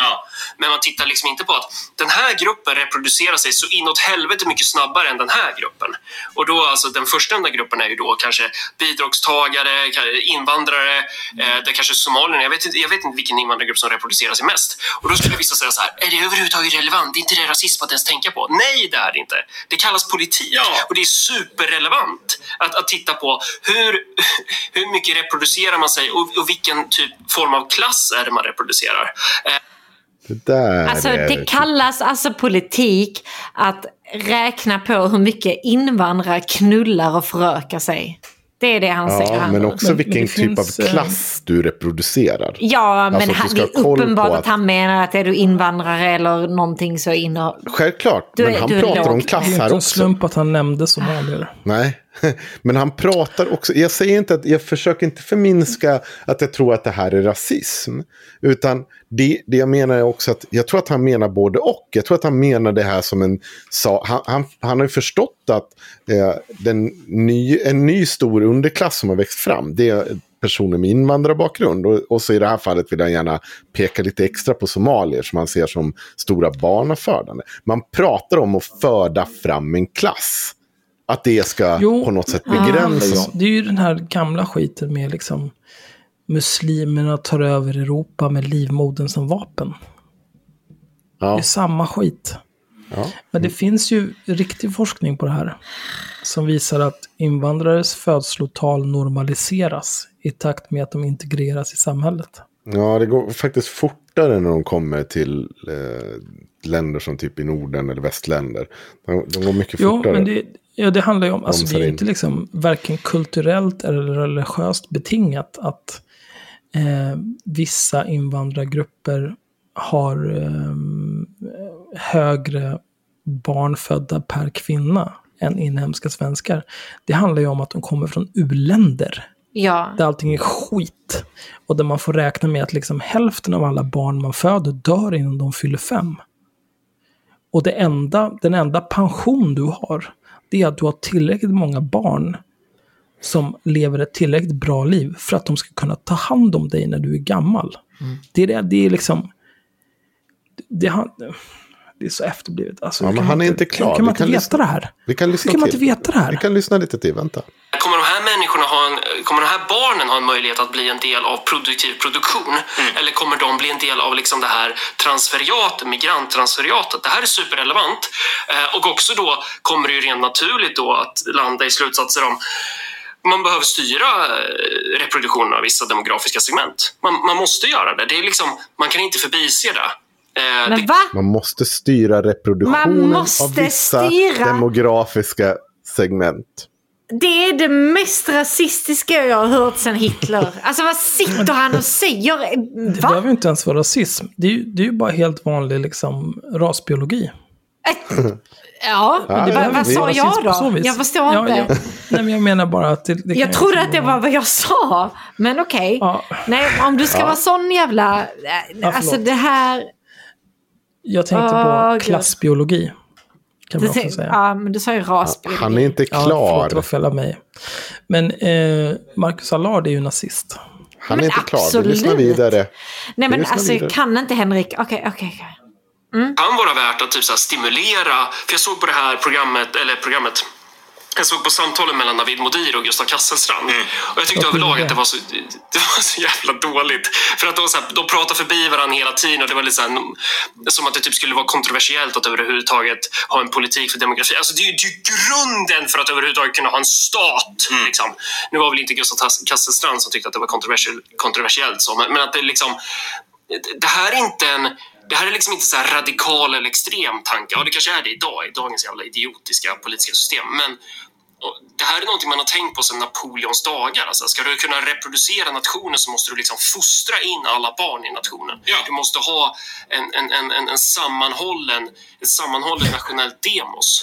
Eh, och dit jag vill komma någonstans är att det som kommer bli relevant att titta på framöver vare sig man vill eller inte, det är att börja vikta barnbidrag. Det är så här, jag skulle inte bli förvånad om man i vissa kommuner kommer typ så här, säga så här, ja men du kommer få socialbidrag eh, på premissen att, att du sätter dig ner här och så tar du den här vita plastmuggen med vatten och så tar du det här p-pillret och så sköljer du ner den. Annars får du inte ditt socialbidrag. Alltså, för, för vi är på väg in i en sån situation. Eh, och, och frånvaron av assimileringspolitik eh, kommer, kommer vara bidragen till det här. Man kan tycka att det är jättehemskt, men jag tror att, att det är exakt dit vi är på väg. Ja, alltså det här, du sätter fingret på någonting som är ganska centralt. Inte bara när det gäller demografi utan också liksom vad, vad alternativen som, som, som folk... Va? Nej men ursäkta? Nej, alltså jag... Jag kan säga så här. Eh, jag är inte främmande för, jag, det, det har vi ju pratat om förut här, jag, jag är inte främmande för att vissa människor inte bör eh, få föröka sig. Men det handlar ju om att de är värdelösa. Att de har bevisat att de är värdelösa. Jag är-. Så här är det, vissa barn behöver omhändertas. Vissa barn behöver Ja. få bättre föräldrar än vad de redan har. Eh, det håller jag helt med om. Men det handlar om barns rättigheter. Men det här han nämner här att folk ska tvingas i p-piller. Det här handlar om kvinnors rättigheter. Och ska du gå hela din jävla graviditet trots att du är en jävla, jag vet inte, jävla D-tier jävla mom som kedjeröker hela graviditeten och sen, eh, jag vet inte ens, går och lämnar din unge för att gå och knulla på krogen i covid-tider liksom. Alltså då... Gör det. Då airdroppar Men då kommer någon ta dina barn. Men alltså, så, ah, nej jag vet inte ens. Och det, grejen Men det här är ju- jag, känner mig, jag känner mig så kränkt också för att det är ju inte mig han snackar om. Alltså jag är ju en vit medelklassmamma liksom. Det är inte mig han snackar om. Han snackar om han snackar om mina vänner, han snackar om så här, mammorna till, till barnen på mitt barns förskola och så vidare. De här, ba- bara för att de råkar ha ett utländskt namn, komma från utlandet eller eh, tro på islam. Liksom. Det är de Jo, han snackar om, helt utan anledning. Vet, det här är inte en politik som är begränsad till det. Det är det, det, är det som är så sin, jag kan tycka är så sinnessjukt med det han säger. För han kommer från en vänsterbakgrund. Och sitter och gaggar om att vi måste titta på vad det är för typ av klass vi förökar. Alltså, och han kan använda klasser så här, men det här kommer ju drabba alla. Han, jag tror inte att han gör några distinktioner mellan att du är ingen somalier eller svensk. För han vill ju reglera, om du är på väg, tror han att det här, den här spermien som kommer i den här mamman, att det kommer bli ett barn i underklassen, då ska det begränsas. Du, ska inte Ja. hålla, du får inte hålla på och skaffa barn som du vill. Det kommer, vi, kommer vi i Örebropartiet kommer att sätta ett Liksom, det blir ju det här. Och det är ju effektivt tvångssterilisering vi pratar igen. Som han börjar med. För att om du kräver att om du säger, nej men du får inga bidrag. Och du kan inte överleva om du skaffar fler barn. Det, det är ju helt frånta folk rätten att skaffa barn. Det, det, det tar ju inte hänsyn till hur bra förälder du är. För att det är ju inte så att... Alltså, rätt, rätten att skaffa barn är väl någonting man borde prata om till att börja med. Jag tycker inte man har en rätt att skaffa barn hur som helst. Men jag kan tänka mig att inte diskutera det just idag. Jag, jag håller med dig om att det handlar... eh, Jag vill inte säga rätten till att skaffa barn. Alltså det är barnens rätt. När de finns till sen, fuck föräldrarna. Så länge barnen har det bra. Ja, bränn upp dem. Alltså ja, ja, ja. Fuck föräldrarna. De, de spelar inte ett jävla skitroll så länge barnen De har gjort det sina bra. val. Precis. Ja, ja. Precis. Men eh, det finns ju flera saker han säger som är eh, jag vet inte, tvivelaktiga. Mm. Till att börja med, man kan ju börja med så här, om du vill ha det här socialbidraget, här är ett p-piller, då får du ta det p-pillret här och nu. Eh, om, jag, om jag ska vara en riktig liten horunge, så skulle jag säga så här, det är intressant att det är ett p-piller och inte, Ja! det är det han tar som exempel och inte Men det, så här, men det är ju det jag sa också. Det är så reversibel- jävla misogynistiskt. Han, han riktar in sig bara på kvinnor från redan utsatta grupper i samhället. Ja, du kan Alltså- snappa kuken. Det är ju reversibelt. Mm. Eh, och säkrare. Och ger inga så här hormonrubbningar. Eller du vet om du ändå tror på att poli, alltså, politiken rör sig åt det hållet att du kastar pengar. Så kasta pengar på att eh, kanske ta fram ett p-piller för män.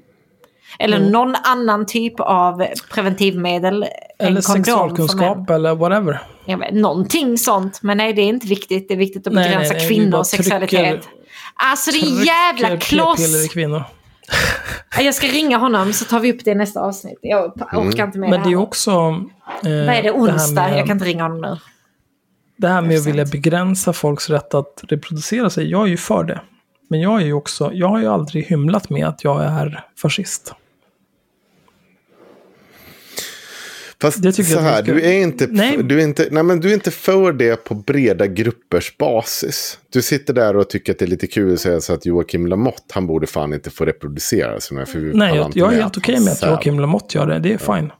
Alltså jag, jag är helt för att vissa människor ska inte få reproducera sig. För att de är för mycket genskräp, för jävla dumma i huvudet, har fattat för många jävla dåliga beslut i sina liv.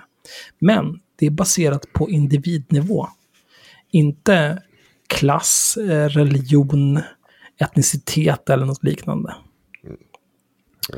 Det Marcus Allard sitter här och pratar om, det är ju att det är ju i princip en återgång till hur det var eh, på den tiden när vi steriliserade transsexuella för bara tio år sedan. Eller när eh, samer tvångssteriliserades, utvecklingsstörda tvångssteriliserades. Han är ju en, en, inte ens en så här good-natured fascist som jag är. Han är ju en riktig fascist. Jag ska kö- vi ska köra på för vi har en del kvar. Eh, så att det kommer fortsätta. Eh, och här har han lite om nationsbygge och demografi. trycka på någonstans är väl att det krävs en helhetssyn och du måste erkänna Ja. att håller du på med politik, då håller du på med nationsbygge. Ja, exakt. Och nationsbygge kräver en kollektiv fostran. Ja. Det spelar ingen roll hur, hur liberalt hjärnskadad du är. Alltså, eh, till och med Napoleon fattade det. Alltså, liberaler i grunden förstår ju det här någonstans. Men idag så har vi ju den här... Vi har ju, vår stat har ju gjort så att vi svenskar har blivit så jävla dumma i huvudet så vi tror att staten är naturtillståndet. Den är inte naturtillståndet och inte heller individen så som vi känner den som en konsekvens av staten. Det är inte heller ett naturtillstånd.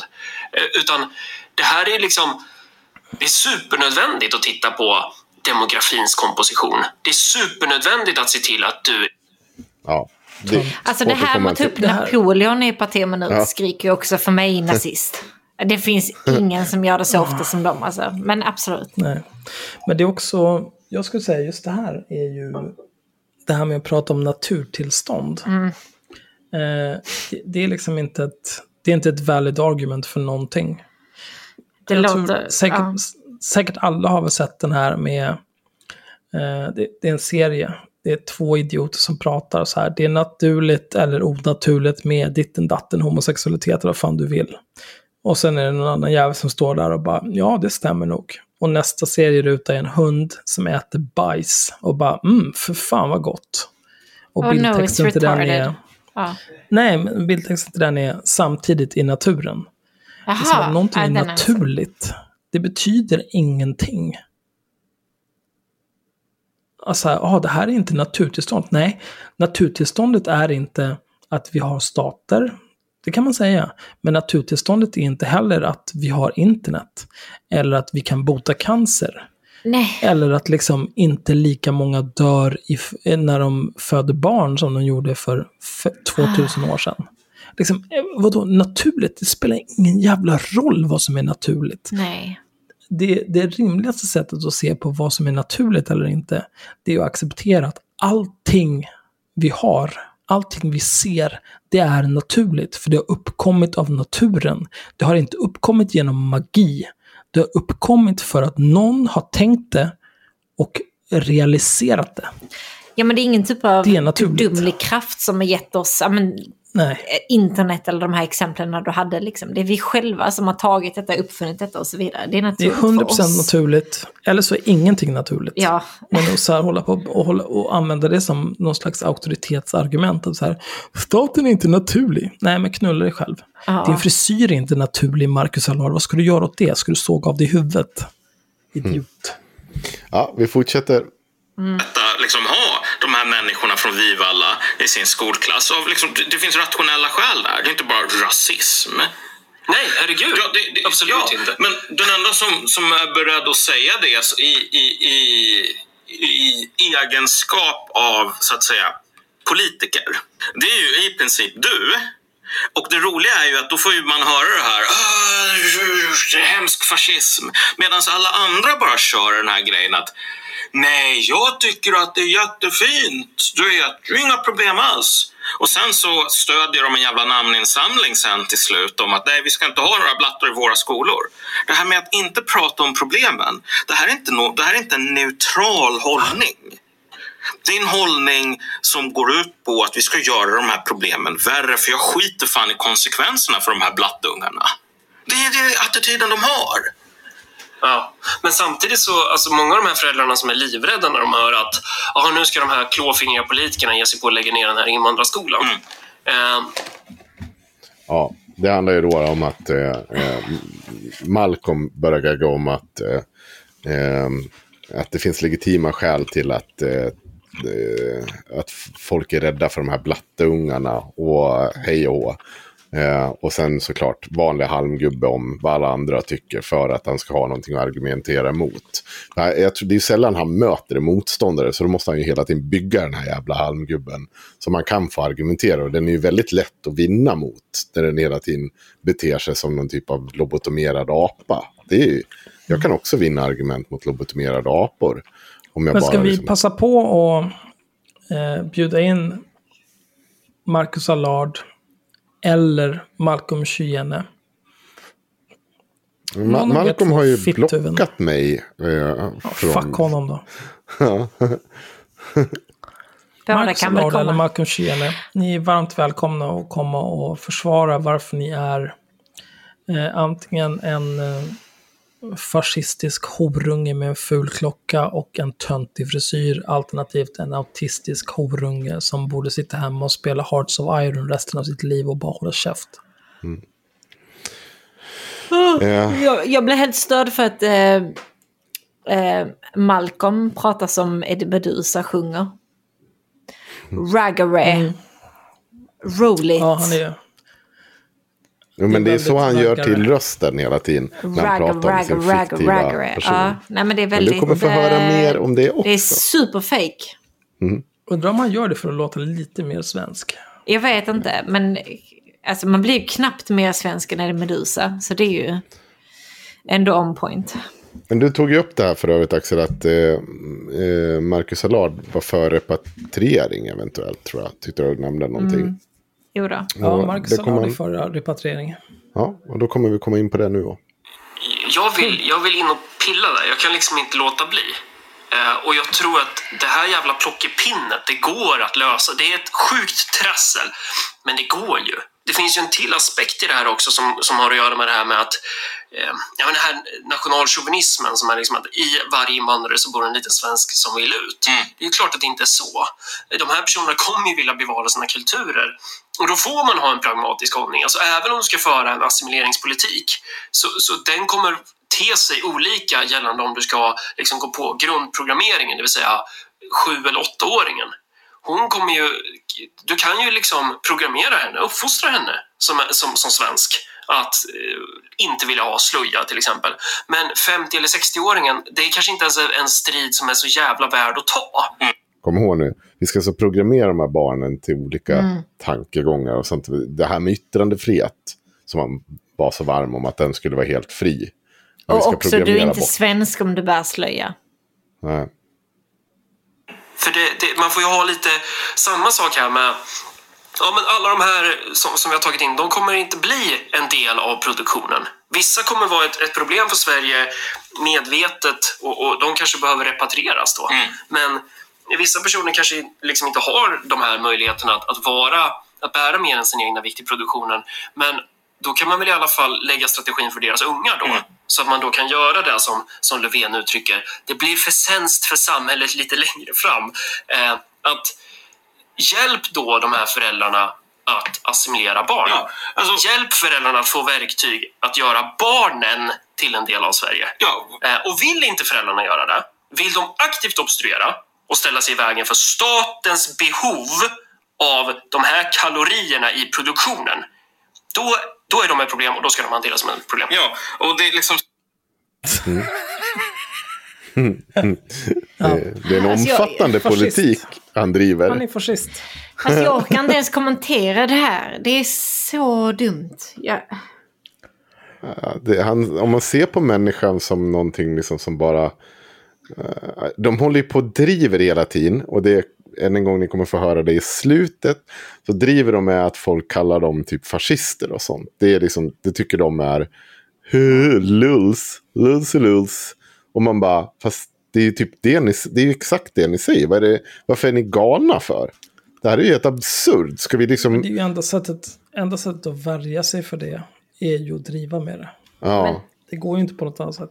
Och det är också så här, ska vi prata om folk som eh, folk som inte tillför tillräckligt med kalorier till statens maskin. Malcolm Chyene, vad tillför han? Ja, vad, vad har hade Marcus har Allard haft för haft ett jobb? jobb? Han har väl bara Ja, gått han- via Ung Vänster och... Ja, men vi börjar med Marcus, Marcus, eh, Malcolm Chyene. Har han någonsin haft ett jobb? Nej. Ja, Tror du att hans nettobidrag till staten är positivt? Jag tror inte det. Jag tror att han har kostat mer än han har betalat. Ja. Och jag tror att samma sak gäller Marcus Allard.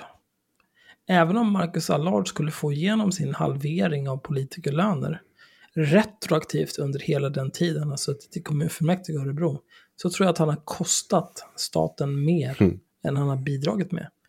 Så varför de här jävla pissfittorna överhuvudtaget ska klappa med käften om vem som har en del av det svenska samhället och vem som har rätt till det och vem som bör vara här, det är för mig begripligt. Gör ett hederligt handtag själv innan du öppnar din jävla käft. Detsamma gäller Jimmy Åkesson som aldrig heller har gjort ett hederligt handtag i hela sitt jävla liv. Och ändå ska sitta och berätta för folk. Ja, ah, nu kommer en massa svartskallar här, tar era jobb och lever på bidrag. Så här. Du har aldrig jobbat i hela ditt liv. Du är en nettoförlust för Sverige. Du är värdelös. Du förstör för alla genom din blotta existens. För att du är så jävla dålig. Och det gäller de här två pissfittorna också. Men jag är inte arg. Nej. Nej, inte alls. Vi har tre klipp kvar. Och det här klippet, Nej men snälla, okej. det har jag döpt till Förstår ni vad det handlar om? Skriv in det här. och um, ja, det, det, är, det, är, det är Malcolm som får feeling.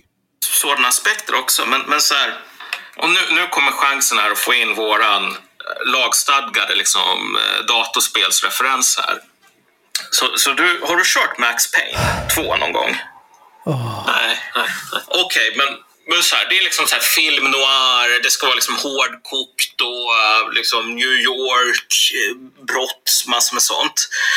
Um, och det finns en sån här scen då i andra spelet där den här killen som är en hårdkokt polis utan någonting att förlora sitter i en bil med sin ryska maffiasnubbe som är en av de goda kriminella.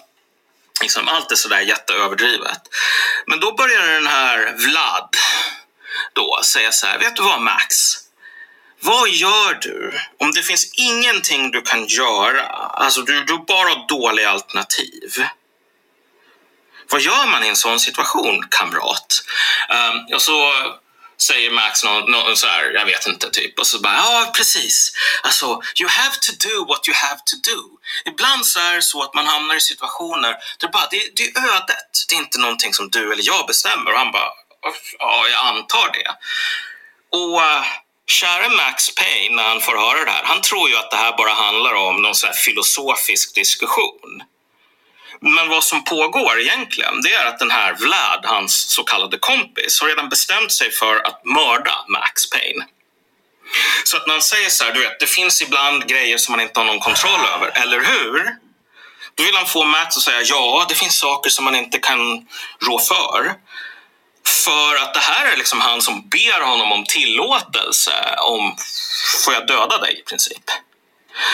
Och alltså, anledningen till att jag tar upp det är att en sak som man inser är ju att det finns egentligen inga bevis alls för att den västerländska staten är maktlös. Eller att det västerländska samhället eller det svenska samhället, det finns någon sån här grundläggande maktlöshet.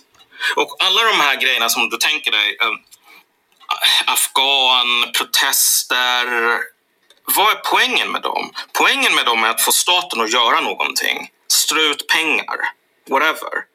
Det är inte så här, vi har aldrig några så här invandrarrelaterade protester som handlar om uh, lämna oss i fred i Vivalla, vi, liksom, vi vill inte att staten kommer att beskatta oss. Utan allting är bara staten som den här avlägsna guden ska göra det eller inte göra det.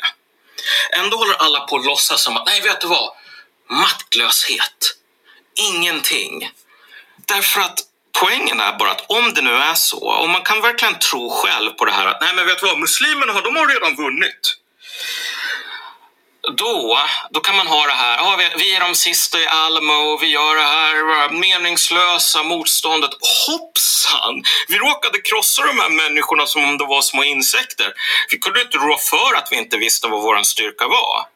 Så det är inte så att vi, vi är våldsamma utan vi bara försvarar oss själva trots att vi är maktlösa, vi är hoberna. Alltså, folk är investerade i den här jävla berättelsen därför att den berättelsen är fan det som legitimerar nästan vad som helst. Om du är maktlös, om du inte har någon eh, förmåga att påverka om allting egentligen bara är, alltså det spelar ingen roll egentligen vad du gör eller inte gör därför att segraren är redan korad. Då har du fan moralisk carte blanche.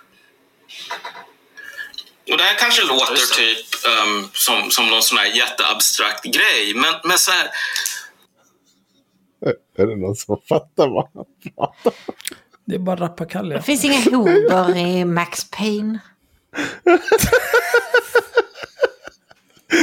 Jag fattar ingenting av vad- alltså så här, Det här är fjärde gången jag lyssnar på det här. Just det här stycket. Och jag bara. Men vad är det du vill komma? Vad är det du säger? Men ska vi döda någon? Eller vad är det? Nej, men det här är ju, det här är ju eh, Malcolm Schienes eh, paradrätt. Eh, ett- helt middagsbord fulldukat med rappakalja. Ingenting betyder någonting. Det är bara att han, han börjar prata, men hans hjärna är för trasig. Så han kommer aldrig fram dit han vill. Utan det blir bara dumheter. av Åh, vad jag kan Det här är relatera till det. Ja, nej men Det alltså det här, det här gick bara inte att dåligt. följa. Nej, nej, ja, det, finns ing, det finns liksom inget innan, ingenting efter. Det, det är inte så att jag inte håll, alltså, lägger fram någonting. Alltså, jag har ingen aning om vad Karn säger där. Nej, jag, gud, jag förstår jag- inte Jag är Det är överglad att ni säger att ni också inte fattar detta. För jag kände mig så jävla dum ett tag och bara oj oj oj. Ja, nu, händer det Jo, konstiga men det är ju det han lever på. Han lever ju på att folk... Eh, han, han babblar, eller så skriver han så här pisslånga felstavade texter. Som bara är skit också. Han maler på och maler på, oavsett om det är text eller i, i podd eller i intervju. Maler på, maler på, maler på. Och sen så litar han ju på att folk ska känna så här. Ja, det här var så jävla obegripligt. Det är förmodligen för att det är någonting fel på mig. Men det är inte det. Felet ligger hos Malcolm. Han är för dum för att uttrycka en tanke som är värd att lyssna på. Så att när man hör hans jävla rappakalja, då en normal hjärna bara stänger av. För att skydda sig själv från den här jävla autismen som kommer flygande. För det här är för, det är för jävla pantat. Det är bara Mm. skit allting. Och det blir värre. För nu kommer de köra en sista. Vi har två klipp kvar. Så att, ja, tre då för er som lyssnar. Vi, vi kommer inte lyssna på det sista klippet. För det är f- the worst. Ja, klockan är Ehm. fem ett. Jag håller på att dö här. Ja. Ah, Okej, kör. Men, men hopplösheten här också, som, som man måste, må, måste adressera, den handlar ju inte bara om så här typ, jag tror inte att IVO, denna heliga myndighet, kommer att kunna lösa allting. Det kanske om fem år så kommer IVO kanske vara överspelat. Alltså, där är ju verkligen hopplöshet befogad.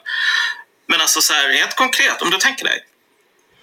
Hur många andra situationer finns det genom historien då du har alltså, människor som är i, i objektiv bemärkelse ytterst parasitära på en världbefolkning som är mycket större än de här människorna. Och det måste man alltid hålla i, i åtanke när man pratar om invandrare som en grupp. Att invandrare är inte en grupp. Eh, De här eh, läkarstudenterna eller apotekarna på biomedicinum som heter typ Märta och sen något svåruttalat så här kaldeiskt efternamn. Eller Linda eller Sigrid. De människorna är inte invandrare i den här bemärkelsen som, som vi är ute efter. Därför att de har fan ingen, ingenting att Snälla, tjäna på. genast. Det här är rasism. Ja. Alltså, Så jävla Ja, det, är så, det är så jävla flagrant rasism. också. Det han pratar om här det är ju att eh, om du är invandrare från eh, Nej, men vet du vad? Nej, sto- stopp. Då får du lyssna klart. Det, Vadå du, det är inte jättelångt. Jo, för att du kommer Ja, få höra. Annars kommer du säga saker som... Vi kör inte. klart det. och att liksom slå sina säckar ihop med människorna ute i Gottsunda. Så här, de, är, de är värddjuren som de människorna i Gottsunda kommer att parasitera på om de får som de vill. Absolut. Ehm, Så att Om de får som de vill. Man måste verkligen göra en, en demografisk kalkyl här som faktiskt ser till terrängen så som den är. Precis, man behöver ju inventera den demografiska kompositionen. Och inventeringen måste ju ske utifrån marxistiskt perspektiv där man faktiskt tittar på, man behöver inte säga att det är marxism ifall man tycker det är jobbigt, men, men där man faktiskt tittar på vad är den här objektiva positionen? Hur, hur reproducerar den här människan sig själv? På vilket sätt får den här människan sin mat? Var i Eh, det, de, det jag hörde, det var Ehm, om du är till exempel eh, någon typ av invandrare från eh, ett land som inte är så kulturellt eh, skilt från Sverige, där man kanske har förnamn som är lika våra förnamn, eh, då är det okej. Om du kommer från kanske något land som är lite längre bort från den sfären, men du är ändå medelklass, övre medelklass, överklass och du har en bra utbildning eller du är här för att eh, skaffa dig en bra utbildning för att du hade möjligheten att ta dig hit för att skaffa dig en bra utbildning och du hade förutsättningarna för att kunna tillgodogöra dig den utbildningen. Då är det en annan typ av invandrare än de invandrare du kommer klumpas ihop med av Sverigesar. Eh, och du är en annan typ av invandrare än de du kommer behöva bo med i diverse förorter. För de invandrarna, de kommer försöka parasitera på dig. Mm. Det var vad jag hörde. För att Ja. Malcolm är en jävla rasistfitta. Ja, och så ska du... För att Malcolm är en jävla rasistfitta. Ja, och så ska du säga, det sägs i en kontext där man säger att invandrarkvinnor ska eh, steriliseras från statens håll via p-piller visserligen. För att om, om ni fortsätter parasitera så kommer vi liksom ta av er möjligheten att föda barn. För då, då, får ni inte nå, då får ni inga pengar. Eller så får ni liksom strunta i att föda barn. För det är ju det här, man bygger ju upp den här bilden av att de här människorna är, de är gott sunda, de ska parasitera på den här Märta som kommer att jobba på biomedicin. Och det här är- det, det är ingenting som stannar, det här är ingenting som stannar bara vid invandrare, utan även för att de är, fast de är superrasister. Och hela det här jävla programmet går ju ut på sen också, och än en gång, det kommer ni få höra alldeles snart. Det är hur de liksom försöker lulsa bort det här genom att säga att nu kommer någon kalla oss fascist.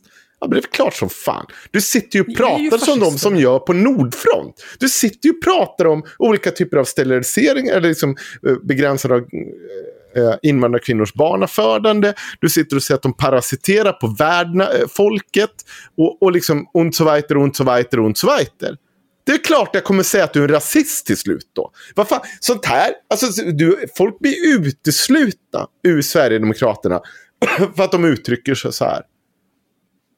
För, då, då är det Sverigedemokraterna som säger Marcus Allard, han har ett eget parti. Där får han säga vad han vill. Ja, Malcolm Chien, han lever på staten, så han får också säga vad han vill. ja. Stoppa transfereringarna till Malcolm Chien. Det är vad jag har att säga om det här. Sanna, hade du något mer att säga om det? Eh, nej, gud. Jag blev så arg. Spela, spela den sista. Då tar vi den sista lilla klippet här Spela när de fotboll. pratar om Sverigedemokraterna och deras rasism. Ehm, och ehm, ja, de har ju en speciell syn på det. Vi ska lyssna. moraliskt högstående för att någonsin kunna hålla på med grejer som folk har gjort i Sverige så länge som vi har haft nedskriven historia, vilket är etniska konflikter. Pytsan! Det är fan de här fina liberalerna som sätter lakritspipan i taket och börjar gråta av, av harm så fort någon säger negerboll. Varför sätter de lakritspipan i taket? Den skjuter ut precis som du vet i så här Tintin när Kapten Haddock röker sin pipa och så liksom händer någonting och så bara åker den ut som en raket ur munnen. Det är liksom... Det är typ så. Alltså, åh, gud vilken chock och, och besvikelse. Den här SD-aren sa hell seger i någon, på en svensexa med andra SD-are. Men sen så bara, nej vet du vad, jag vill, vi ska ha etnisk segregering i det här landet. De facto. Är liksom segregerade skolor, det är för allas bästa. Liksom, du vet, när vi har hamnat i ett sånt läge, att, alltså, det är inte ens så att vi har en jävla debatt om den här skiten. Typ, ska vi ha segregerade skolor eller inte? Kan, kan det kanske uppfattas som rasism? Utan det är bara, den här personen sa det, ja, jo, så kan man säga. Lek med tanken att David Bas kommer där lika kåt och upphetsad som han alltid är när han är ute på de här jävla uppdragen när han ska jaga typ någon stackars 66-årig pensionär typ som har skrivit negerboll. Men, du har skrivit eh, negerboll här. Tycker du om att skriva negerboll? Han pratar ju så jävla långsamt och så, han pratar så lågt han bara kan. Tänk dig att han skulle att han skulle jaga den här typ liberala politikern som inte vill ha sina barn i en skola för att, för att hon, hon vill inte att de ska gå med, med invandrare. Det är så enorm ham- harmgubbe av vad, vad han har gjort, eh, David Bas. Mycket att packa upp här. Ja. Det är så, men vi, vi behöver, alltså alla som har sett David Bas vet att han jagar inte efter någon bara för att de har sett och sagt negerboll. Utan det har ju Nej, men varit så till att typ, börja med. Här med, svartingar är undermänniskor. Har de sett och sagt interna liksom, partichattar och sånt. Som, det är såklart det är obekvämt. Malcolm menar ju på att det här är ingenting som påverkar partiet strukturellt överhuvudtaget. Det är klart som fan det gör. nej, men framförallt, eh, det, det Marcus Allard säger här, det är så här. Mm. Ja, de jagar någon stackars 66-åriga Agda för att hon har skrivit negerboll någonstans. Det är ingen som gör det. Nej, Det, det är 100% ingen som gör det. Möjligtvis Agdas barnbarn som måste försöka förklara för henne att kanske typ så här... farmor eh, detta är pinsamt de? för mig. Näthatsgranskaren. Ja. Vem fan bryr sig om honom? Det är en privatperson, fuck honom. Men David Bas, eh, det, det är liksom politiker. Det har ju varje gång han har gjort någon typ av avslöjande. Om säger att den här personen är Hitler, Hitler, Hitler. Det är en folkvald politiker. Och att Marcus Allard spelar med i det här försöket att tona ner och, och chikanera den typen av granskningar. Genom att säga så här, ja, de jagar någon slags pensionärer som bla bla bla. Det är så jävla pinsamt för att han vet 100% bättre. Han vet exakt vad de här granskningarna handlar om. Men han skiter han försöker bara spela för galleriet Mm. och locka till sig Sverigedemokraterna för att han är en populistisk liten jävla hora. Fuck honom alltså. Äckliga jävel.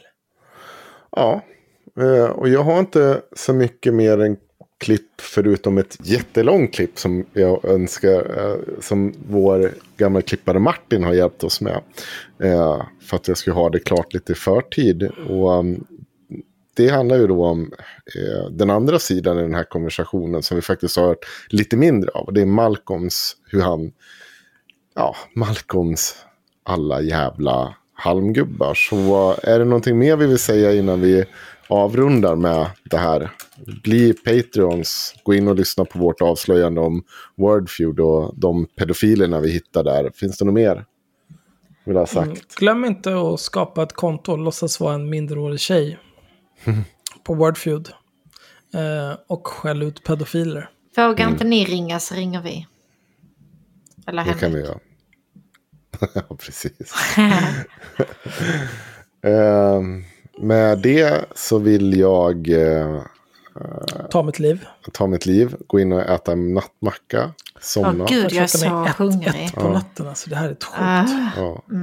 Men ni kommer ju få lyssna på, jag tror det är typ 12 minuter, Malcolm Kiene. Så jag önskar er all glädje med sagan om Malcolm Kienes halmgubbar. Tack för oss. Sieg Heil. fredens. Alltså jag älskar Axel, jag älskar. Nu ska du få höra sagan om Malcolm Kienes halmgubbar. Och när du hör det här ljudet.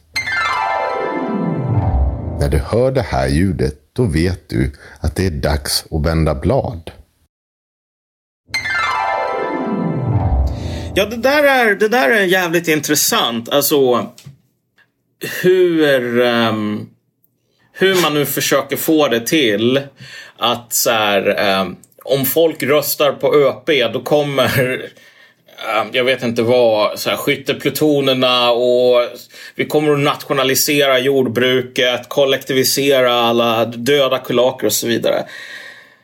Vilket är väldigt fascinerande givet att det, det sammanhang som det här, de här grejerna dras fram är då att Marcus Allard, han är för hemsk mot de stackars islamisterna. Och det var kommunisterna med. Och vi vet ju vad det leder till. Jag ser ju typ ganska ofta, för jag, ut, jag håller på och söker på typ eh, ute på Twitter sådär. Jag ser ju ganska ofta människor säga saker som en viss sorts människor måste man tillägga. Men du vet att, ja men så här. Populism det är en fluga. Örebropartiet kommer att få 0,5 procent nästa val etc. etc. Och det är typ de människorna som nu säger att så här, Örebropartiet kommer att få 0,5 procent nästa val men ehm, därefter kommer bolsjevikernas revolution bla bla bla. Vi, vi ytterst farligt hot mot demokratin och så vidare. Vilket, det finns ju en dissonans där. Så de människorna som säger vi måste försvara demokratin. När de säger så här, vi ska inte göra någonting. Fucking pytsan. Det här är inte att försvara demokratin. Det här är mer eller mindre att acceptera den här skiten. Eller mer eller mindre, det är att acceptera den här skiten. Det är fan att försvara den här skiten. Vad man kan göra är att se till så att de här människorna ska inte bryta mot några andra regler eller lagrum. Och gör de det, då sätter man dit dem för det. Man ska vara på dem som en jävla igel. Ja. Eh, och det här hade ju Socialdemokraterna, de hade aldrig låtit det komma hit. Men om de nu, ja, men nu skulle teleportera hit de gamla sossarna. De hade gjort exakt så. Om Lars Strömman hade liksom hanterat, bott i USA skulle han väl säga att det här är maffiafobi. Du får inte skicka eh, uh, IRS på Capone. Du måste, IRS måste bete sig så som om Capone bara var en random person. Därför att ingenting i våran checklista som vi har blivit programmerade med som jävla NPCs säger att, ja vet du vad, om du inte kan fälla honom för de här morden som han själv har sagt att han typ utfört. Um, då kan man använda alla andra resurser man har. Uh, när man hamnar i sådana här samtal om, om Carl Schmitt som vi har nämnt på podden tidigare. Um, då folk bara säger så här, ja vet du vad, typ hans idéer ledde obönhörligen till nazism. Så här. Uh, men grejen med Schmitt var ju att han blev ju riktigt ovän med typ alla i Weimarrepubliken. Ge dig själv verktyg och slåss mot de här. Därför att om de vinner, då kommer det vara över för den liberala demokratin. Och alla bara, nej vad fan, vad säger du Schmidt? Nazisterna, de är inte så farliga. De är bara jävla idioter, vi kommer att bara kontrollera dem som marionettdockor. Gud vad du ska hålla på att skapa dålig stämning genom att säga att de ska avskaffa demokratin. Alltså, och jag har ju fått den här kommentaren från någon sån här mjukis på vänsterkanten som bara Men alltså, är det inte nästan fascism det som ni säger? Att bara skicka Skatteverket på så här dubbel, trippel, eh, liksom kontrollera fem gånger så att det inte finns en enda felstavad grej i deklarationen. Är inte det fascism? Att överhuvudtaget inte agera som en NPC Ja. är ju enligt de här människorna fascism. Ja, men- att, att ha en agens liksom.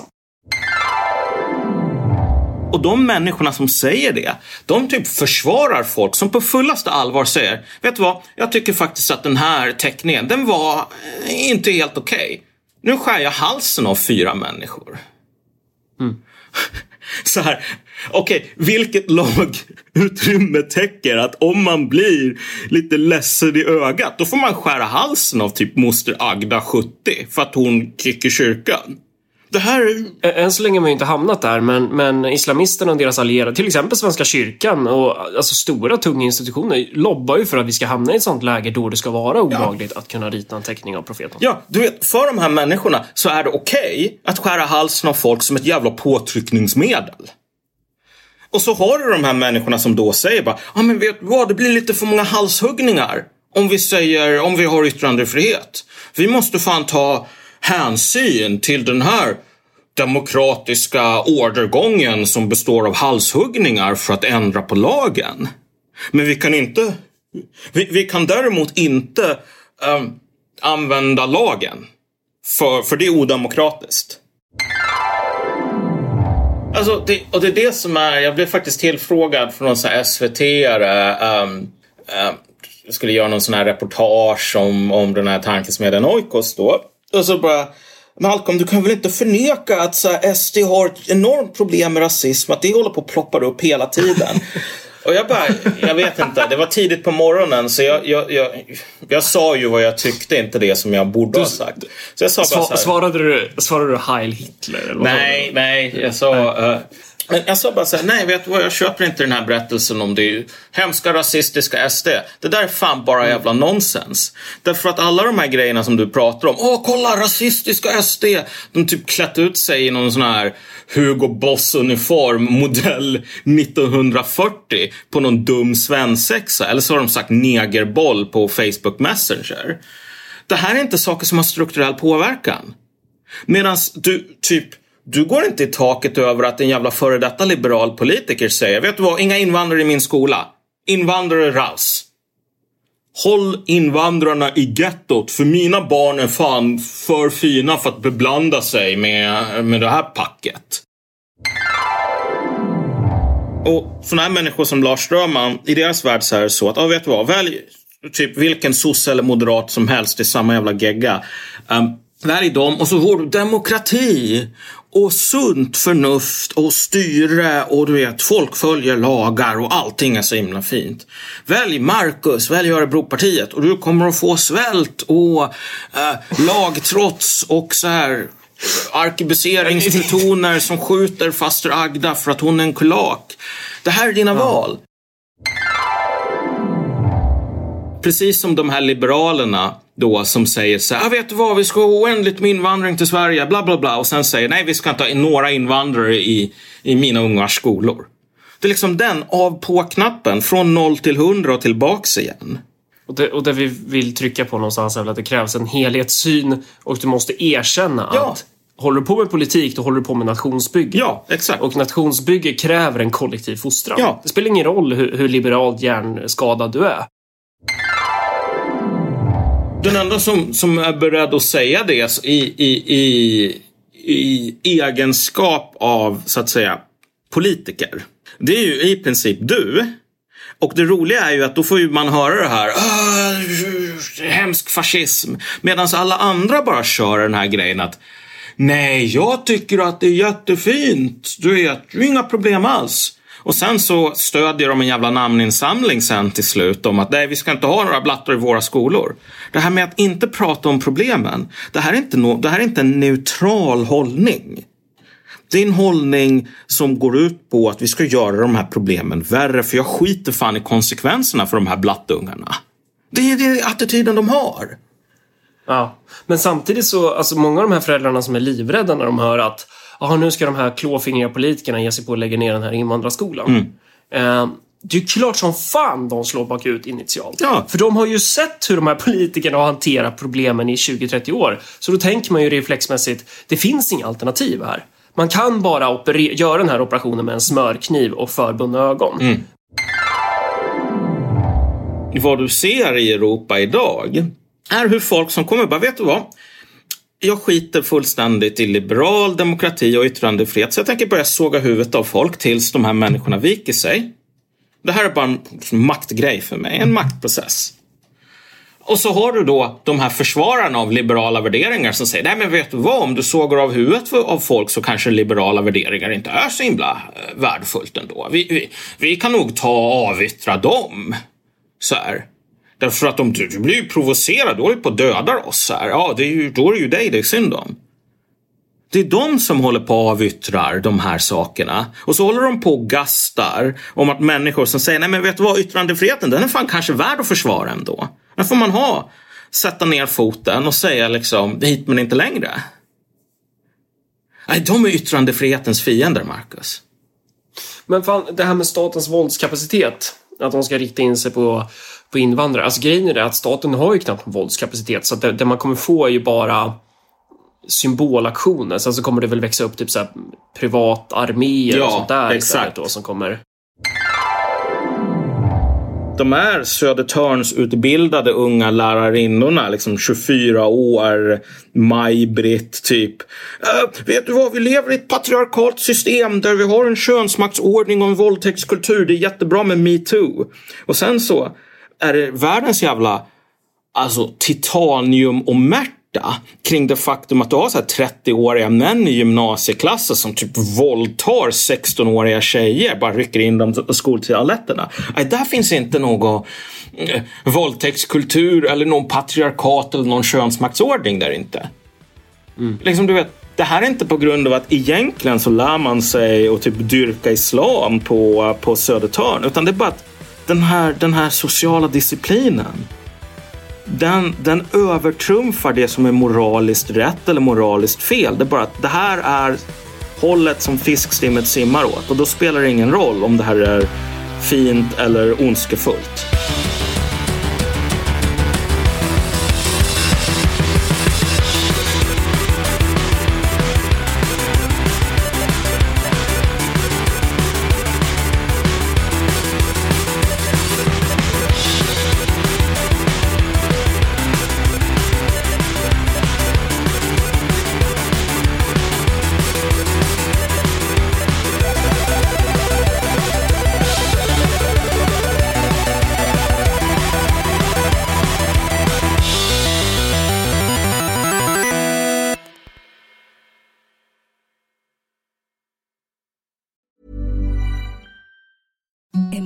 The softest sheets you've ever felt. Now imagine them getting even softer over time. That's what you'll feel with Bowl and Branch's organic cotton sheets. In a recent customer survey, 96% replied that Bowl and Branch sheets get softer with every wash. Start getting your best night's sleep in these sheets that get softer and softer for years to come. Try their sheets with a 30-night guarantee. Plus, get 15% off your first order at bowlandbranch.com. Code BUTTERY. Exclusions apply. See site for details.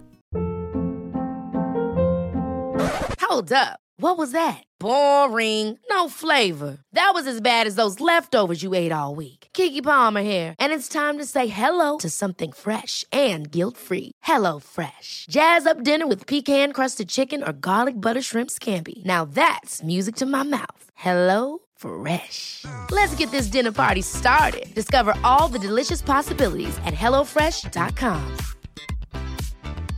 Even when we're on a budget, we still deserve nice things.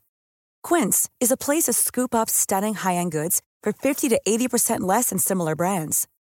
They have buttery soft cashmere sweaters starting at $50, luxurious Italian leather bags, and so much more. Plus, Quince only works with factories that use safe, ethical, and responsible manufacturing. Get the high-end goods you'll love without the high price tag with Quince. Go to quince.com/style for free shipping and 365-day returns.